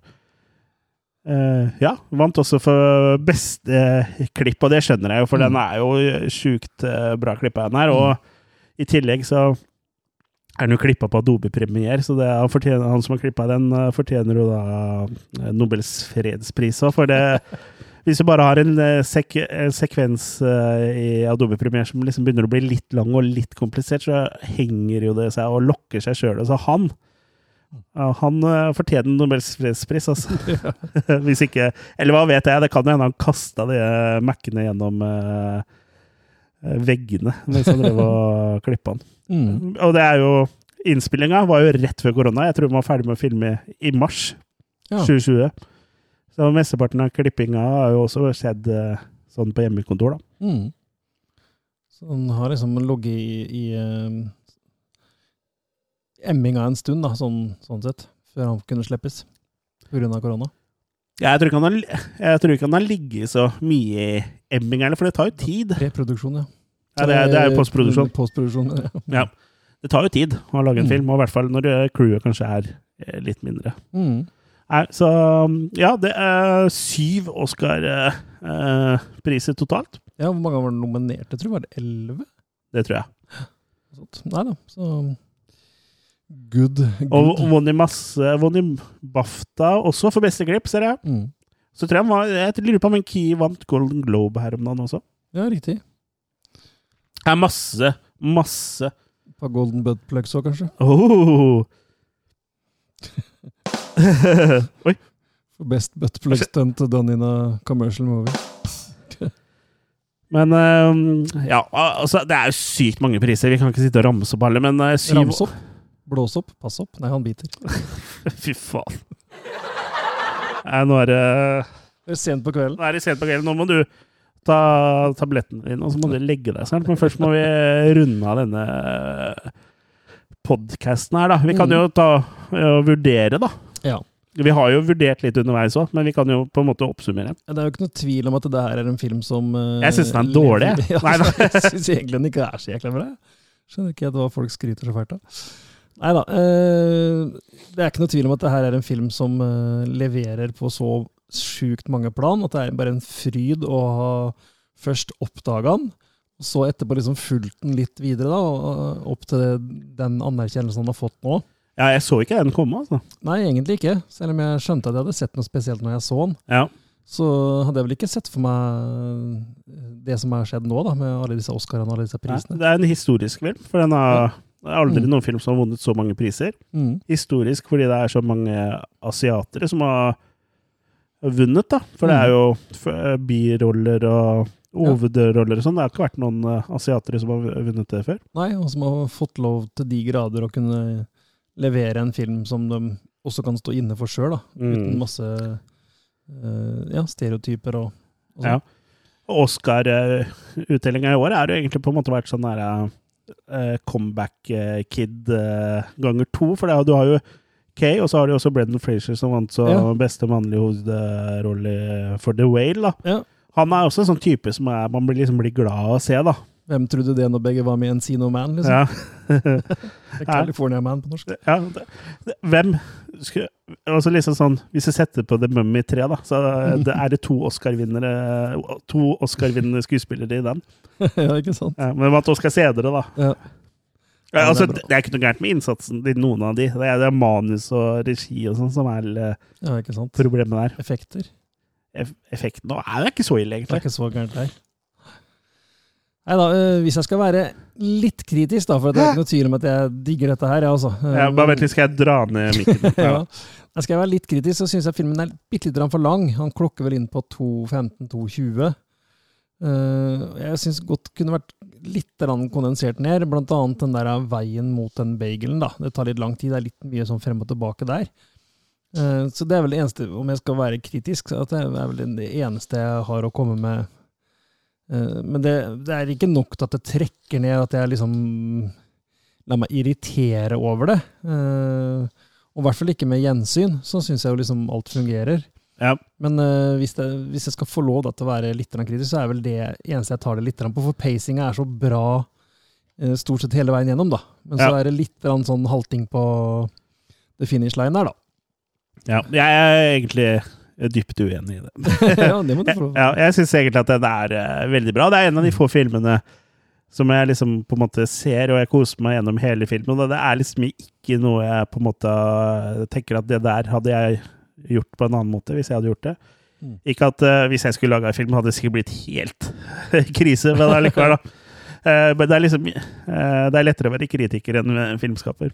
Ja, Men det er liksom Det er ikke noe jeg føler er kjedelig eller treigt eller Og så ser, nå, nå har jeg sett den to ganger bare, men jeg kommer til å se den flere ganger. mm. Og i hvert fall basert på Unnskyld. Nå begynner stemmebåndet å bli brukt opp. Eh, men basert på da mm, andre gjennomsyn, så oppdaga jeg da nye ting eh, da, da. Og det kommer jeg Ja. til å gjøre også, sikkert på tredje og fjerde også. Ja, for det er en film som tåler gjensyn òg, selv om du på en måte vet om ting og ja, Kall det har fått spoil, spoilene, da. Det er jo ikke det. Men Nei. så vil du fortsette å Det er så mye her, da. Så Ja. du vil alltid kunne oppdage ting, som du sier. Du vil alltid kunne få tilfredsstilt eh, det som å se en ny film på mange måter, da. Ja, og det er jo liksom en herlig science fiction, action, eh, absurd Ja, eh, Martial arts komedie, martial arts komedie. drama, familie Ja, og det er liksom bare innpakninga på, på, på en måte, for i bånn så ligger jo liksom bare en eh, Et Et, et familiedrama, liksom, Mm. med en liten moral på slutten, da. Mm. Mm. Så det er liksom Det kunne fort bare vært en actionfilm liksom uten noe mening, da. Mm. Kunne droppa det familieaspektet, så hadde den sikkert fortsatt vært kul. Mm. Men kanskje liksom ikke så Nå føler du at det er veldig mye lag og dybde der, da. Mm. Ja, og det er det jo òg. Det er ikke noen tvil om det. Så det er så mesterlig utført at det nesten gjør litt sånn vondt. Det er sånn eh, Det er for bra. Ja, det, ja men hvis du skjønner mener, at det er at det, at det går an i det hele tatt da, å, å, å score sånn på alle aspekt, da, helt fra som du sier, manus er, eh, som er så kløktig og driver i filmen, som klarer å holde alle disse trådene. De holder dem jo hele veien. Ja, det er ikke noe, Aldri noe sånn det er ikke noe loose ends, Nei, det er liksom. ikke noe loose ends. Det er ikke noe som du Og her er det fort gjort å rote gjort. seg bort, liksom, og gjort. kuke seg bort. Og bare det liksom, når du kommer tilbake til ting da, som de har eh, slengt ut litt i starten, Ja. som du må hente tilbake videre i filmen, så faller alt så naturlig på plass. Mm. Det er så bra ja, ja, Jeg kommer tilbake til ordet sømløst, jeg, da. At alt bare flyter så deilig hele veien. Så, Akkurat som uh, avføringa di. mm, Ja, ja. Nei, jeg òg syns jo det her er et uh, mesterverk. Jeg bruker det ordet. Jeg syns det, er en opplevelse. Jeg altså, trodde egentlig ikke at uh, at jeg kom til å se en sånn film, eh, holdt jeg på å si. For jeg Mm. føler veldig mye film er jo liksom Ja, kul, men kunne vært sånn. Og ja. ja, ja, ja. Det er liksom veldig lite som på en måte slår uh, det som har vært før, da. Ja, absolutt. Det er lite som slår uh, Gudfaren. Det er lite som slår uh, Gudmoren. Gudmoren. Det er gudfaren som slår gudmoren, i så fall. da. Men Ja, du, du skjønner hvor jeg vil, da. Det er liksom lite som slår det, det, det er jo veldig mye bra som har kommet til tid. Mm. Men uh, da får vi bare tenke som eh, Evelyn, at vi må bare leve i nåtida. Og ikke tenke så mye på det som har kommet før. Ja, ikke sant? Det var dypt. Men ja, nei, nei, nei. Overraska over at noe liksom så unikt kommer, og at det kommer i main i mainstreamen, og at det er liksom så helstøpt uh, som produkt, da. Mm. uh, som film. Og at, eh, at det tydeligvis også folk skjønner det og tar det imot, da. Ja. Og at uh, både publikum og, og anmeldere og prisutdelere Mm. Nei, så er det utrolig bra. Og Vi har veldig sånn positiv aura rundt hele filmen. Liksom, både selve filmen oser av liksom kjærlighet. Du ser at det her er ikke noe cash grab. Eh, selv om nå grabber jo den sikkert mye cash, da, men det er liksom oser av eh, kjærlighet og godt håndarbeid, og liksom sånn at de bryr seg om det de driver med. Mm. Og sånn etter at filmen er spilt inn, og sånn, og så fortsetter liksom kjærligheten. Og det veldig ofte i sånne Hollywood-filmer så er det liksom sånn Å, den filmen var kul, og sånn, så hører du liksom at uh, de som spilte inn, hater hverandre og skal Ja, ja. aldri spille sammen, og Ja. hater regissøren. Og, og det er liksom så mye sånn negativitet egentlig rundt positive ting, da, men her er det liksom bare positivt. Ja, sånne der overflategreier som du snakka om før, at folk er sånn derre Ja. ja. Hold kontakten, da, sier de til hverandre. Ja, ja. Og så ser de aldri til Ja, og- hverandre. Men de her har nok kontakt òg, i hvert fall til en viss grad. Da. Ja, det er jeg helt sikker på. Mm. Og du, du ser dem hause hverandre opp i sosiale medier. og ja, Det er eh, bare en sånn veldig god godfølelse rundt hele greia. For sånn som en av mine Hvis vi skal gå i litt andre retning, da. En av mine liksom store barndomshelter var jo Chevy Chase. Mm. Og han er jo Rasshøl. og har alltid vært. Og liksom sånn som han var van og så Christmas Vacation er jo en av favorittfilmene mine, og der òg var han jo vanskelig, og Mm. var regissør som slutta. Det var vel eh, Var det Chris Columbus som egentlig var regissør først? Han eh, lagde, fikk i hvert fall Hjemme alene. Ja, og han har skrevet manus òg, vel, så det, Ja, jeg, jeg husker ikke helt åssen det var, men liksom Han har liksom fått så mange folk til å liksom eh, slutte jobben sin eller bli sparka fordi han er stjerna. Og liksom, Mm. det, sånt liker jeg ikke, da. Nei, Det altså- syns jeg ikke, eller syns ikke det skal være sånn, da. Han er jo verdens dårligste til å velge filmer å være med i sjøl, og så han har jo liksom egentlig ikke noe annet å komme med enn standup-greiene sine, SNL-greiene, og, også selvfølgelig Vacation-filmene etter hvert. Mm. Men han gjør så mange Caddyshack. Ja, gjør så mange ræva valg sjøl, da. Og så skal liksom han være en sånn primadonna. Ja, ja, det er bare så synd at han er et dårlig menneske, for liksom, Mm. det, det er ikke noe Så det virker som alle det, Nå virker det jo som på en måte at eh, Hollywood snu er i ferd med å snu der. At liksom bra mennesker er de som får ting gjort, liksom. Mm. Ble, og liksom Brendan Frazier som ble eh, seksuelt trakassert av en eller annen fyr, uh, studiofyr, og, Mm. og da han sa ifra om det, så liksom endte det med at han ble fryst ut fra Hollywood. Ja, I hvert fall av spillefilmer. Han spilte litt i serier og sånn, men liksom at Mm. han kommer tilbake og Nei. Det er liksom, liksom mer sånn positivitet uh, rundt hele filmindustrien, føler jeg. Og det trenger jo Du trenger å røske opp litt den filmindustrien her. Ja, ja, ja. Og det virker som det skjer nå, da. Mm. Når, eh, når andre ting enn Schindlers liste og hvite folk kan vinne Oscar. Da vant jo Will Smith i fjor, da. ja. Så mye Han vant både festen og Nei, men um, Nei, nå gle- gled jeg liksom litt over i det store bildet her. Mm. Men Everything Everywhere All At Once er kjempefilm. Eh, jeg, jeg elsker den. Det er en film jeg kommer til å se flere, flere ganger. Jeg føler jeg fikk lyst til å se den uh, se den igjen nå, jeg, vi snakker om det. Bare liksom sette den på nå. Så Mm. terningkast eh, to. Nei da.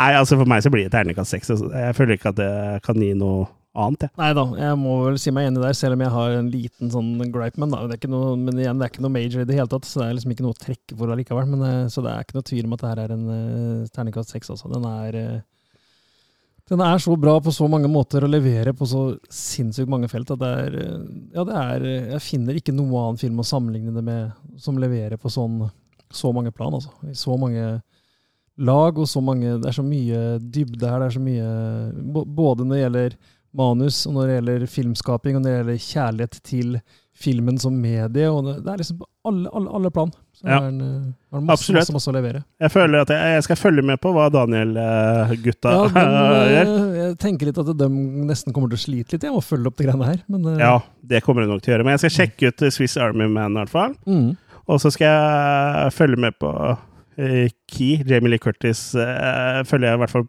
med hvis du dukker opp i horror, men kanskje ikke sånn dramating. Men mm. Ja, kanskje. Men jeg skal i hvert fall følge med på Key og Michelle eh, Jo. Mm. Nå kommer jo True Lies i HD, da, så da kan du følge med litt på Jamie Lee Curtis der. Brrr, ja, der var hun rimelig stram, hvis det er lov å si. Eh, Både, både Key og Michelle skal jo være med i en serie som heter American Born Chinese. Jeg vet ikke hva den handler om, men den handler om noe Jeg tror den handler om amerikanskfødte kinesere. ja. Bare tipper vilt. Ja, det her høres, eh, det her høres gøy ut for oss òg, det her. Jin Wang er en uh, gjennomsnittlig tenåring uh, som prøver å balansere skole og hjemmeliv, homelife. Uh, Mm. Og så møter han en utvekslingsstudent eh, på første første skoledag, og eh, verdener kolliderer uh, uh, Jeg oversetter spontant her. Idet Gin da på ufrivillig blir uh, entangled, eh, blir liksom en del av eh, en kamp mot kinesiske mytologiske guder. Mm. Ser Ja, det, det, det ser ut som noe for oss. Se der, ja. Spanende. Ja. Og så Den har jo fått rating og sånn. Har den kommet? Det er Sikkert, sikkert blitt vist på noen festivalgreier eller noe. Mm. Og så Iki skal jo også være med i sesong to av eh, Marvel-serien Loke. Mm. Så han fortsetter med Multiverse. Det hadde jo vært gøy om de uh, klappa han inn i Indie 6 òg. Åh, jeg håper. Jeg håper. Det er ikke for seint å legge inn eh, en liten greie på rulleteksta. Eller sånn som jeg har forstått det, da, så handler det også um, Indie 6 om liksom time travel-ting. Mm. så um, det Indie 6 ser faktisk bra ut. Har trua. Har trua. Den kommer vi til å lage episode om. Mm. Kommer den til sommeren? Vi må egentlig lage episode om den andre filmen først. da. Ja, vi ta Nei, vi tar det som det kommer. Vi tar det som det kommer. Vi tar det som det kommer. Um, ja, det var vel egentlig det, det vi hadde. Det ble, ble en ganske fyldig episode. Like fyldig som som deg. to vitser, to tjukkasvitser på en gang. Sånn blir det. Da blir det ekstra tjukt. Enormt. Um, ja. eh, Neste gang så er det 26 spøkelser. Ja. Vi, skal snakke, vi skal sammenligne originalen versus remaken av eh, 13 Ghosts. Mm. Jeg har ikke sett noen av de, så det blir jo spennende å gå inn med helt eh, blanke ark. Ja, jeg har kun sett remaken, jeg, så Så du går med halvt blankt ark. eller ett blankt ark og ett Ja. uh, påskrevet. Mm. Bra skrevet, skrev mer. Mm. Men uh, hvis folk har lyst til å finne oss, hvis de ikke vet hvor vi er, holdt på å si, vi skulle tro de gjør det. Det kan hende noen bare har snubla over oss tilfeldigvis inn på Spotify eller uh, Podme eller Apple Podcasts. Kan jo hende det. Eller fant oss på den der eh, Snapchat-kartet. Ja. Nei da, men eh, kan jo gå inn på Facebook-sida vår, enten Attack of the Killercast, som er hovedsida vår, eller community vårt Losers Club. Mm.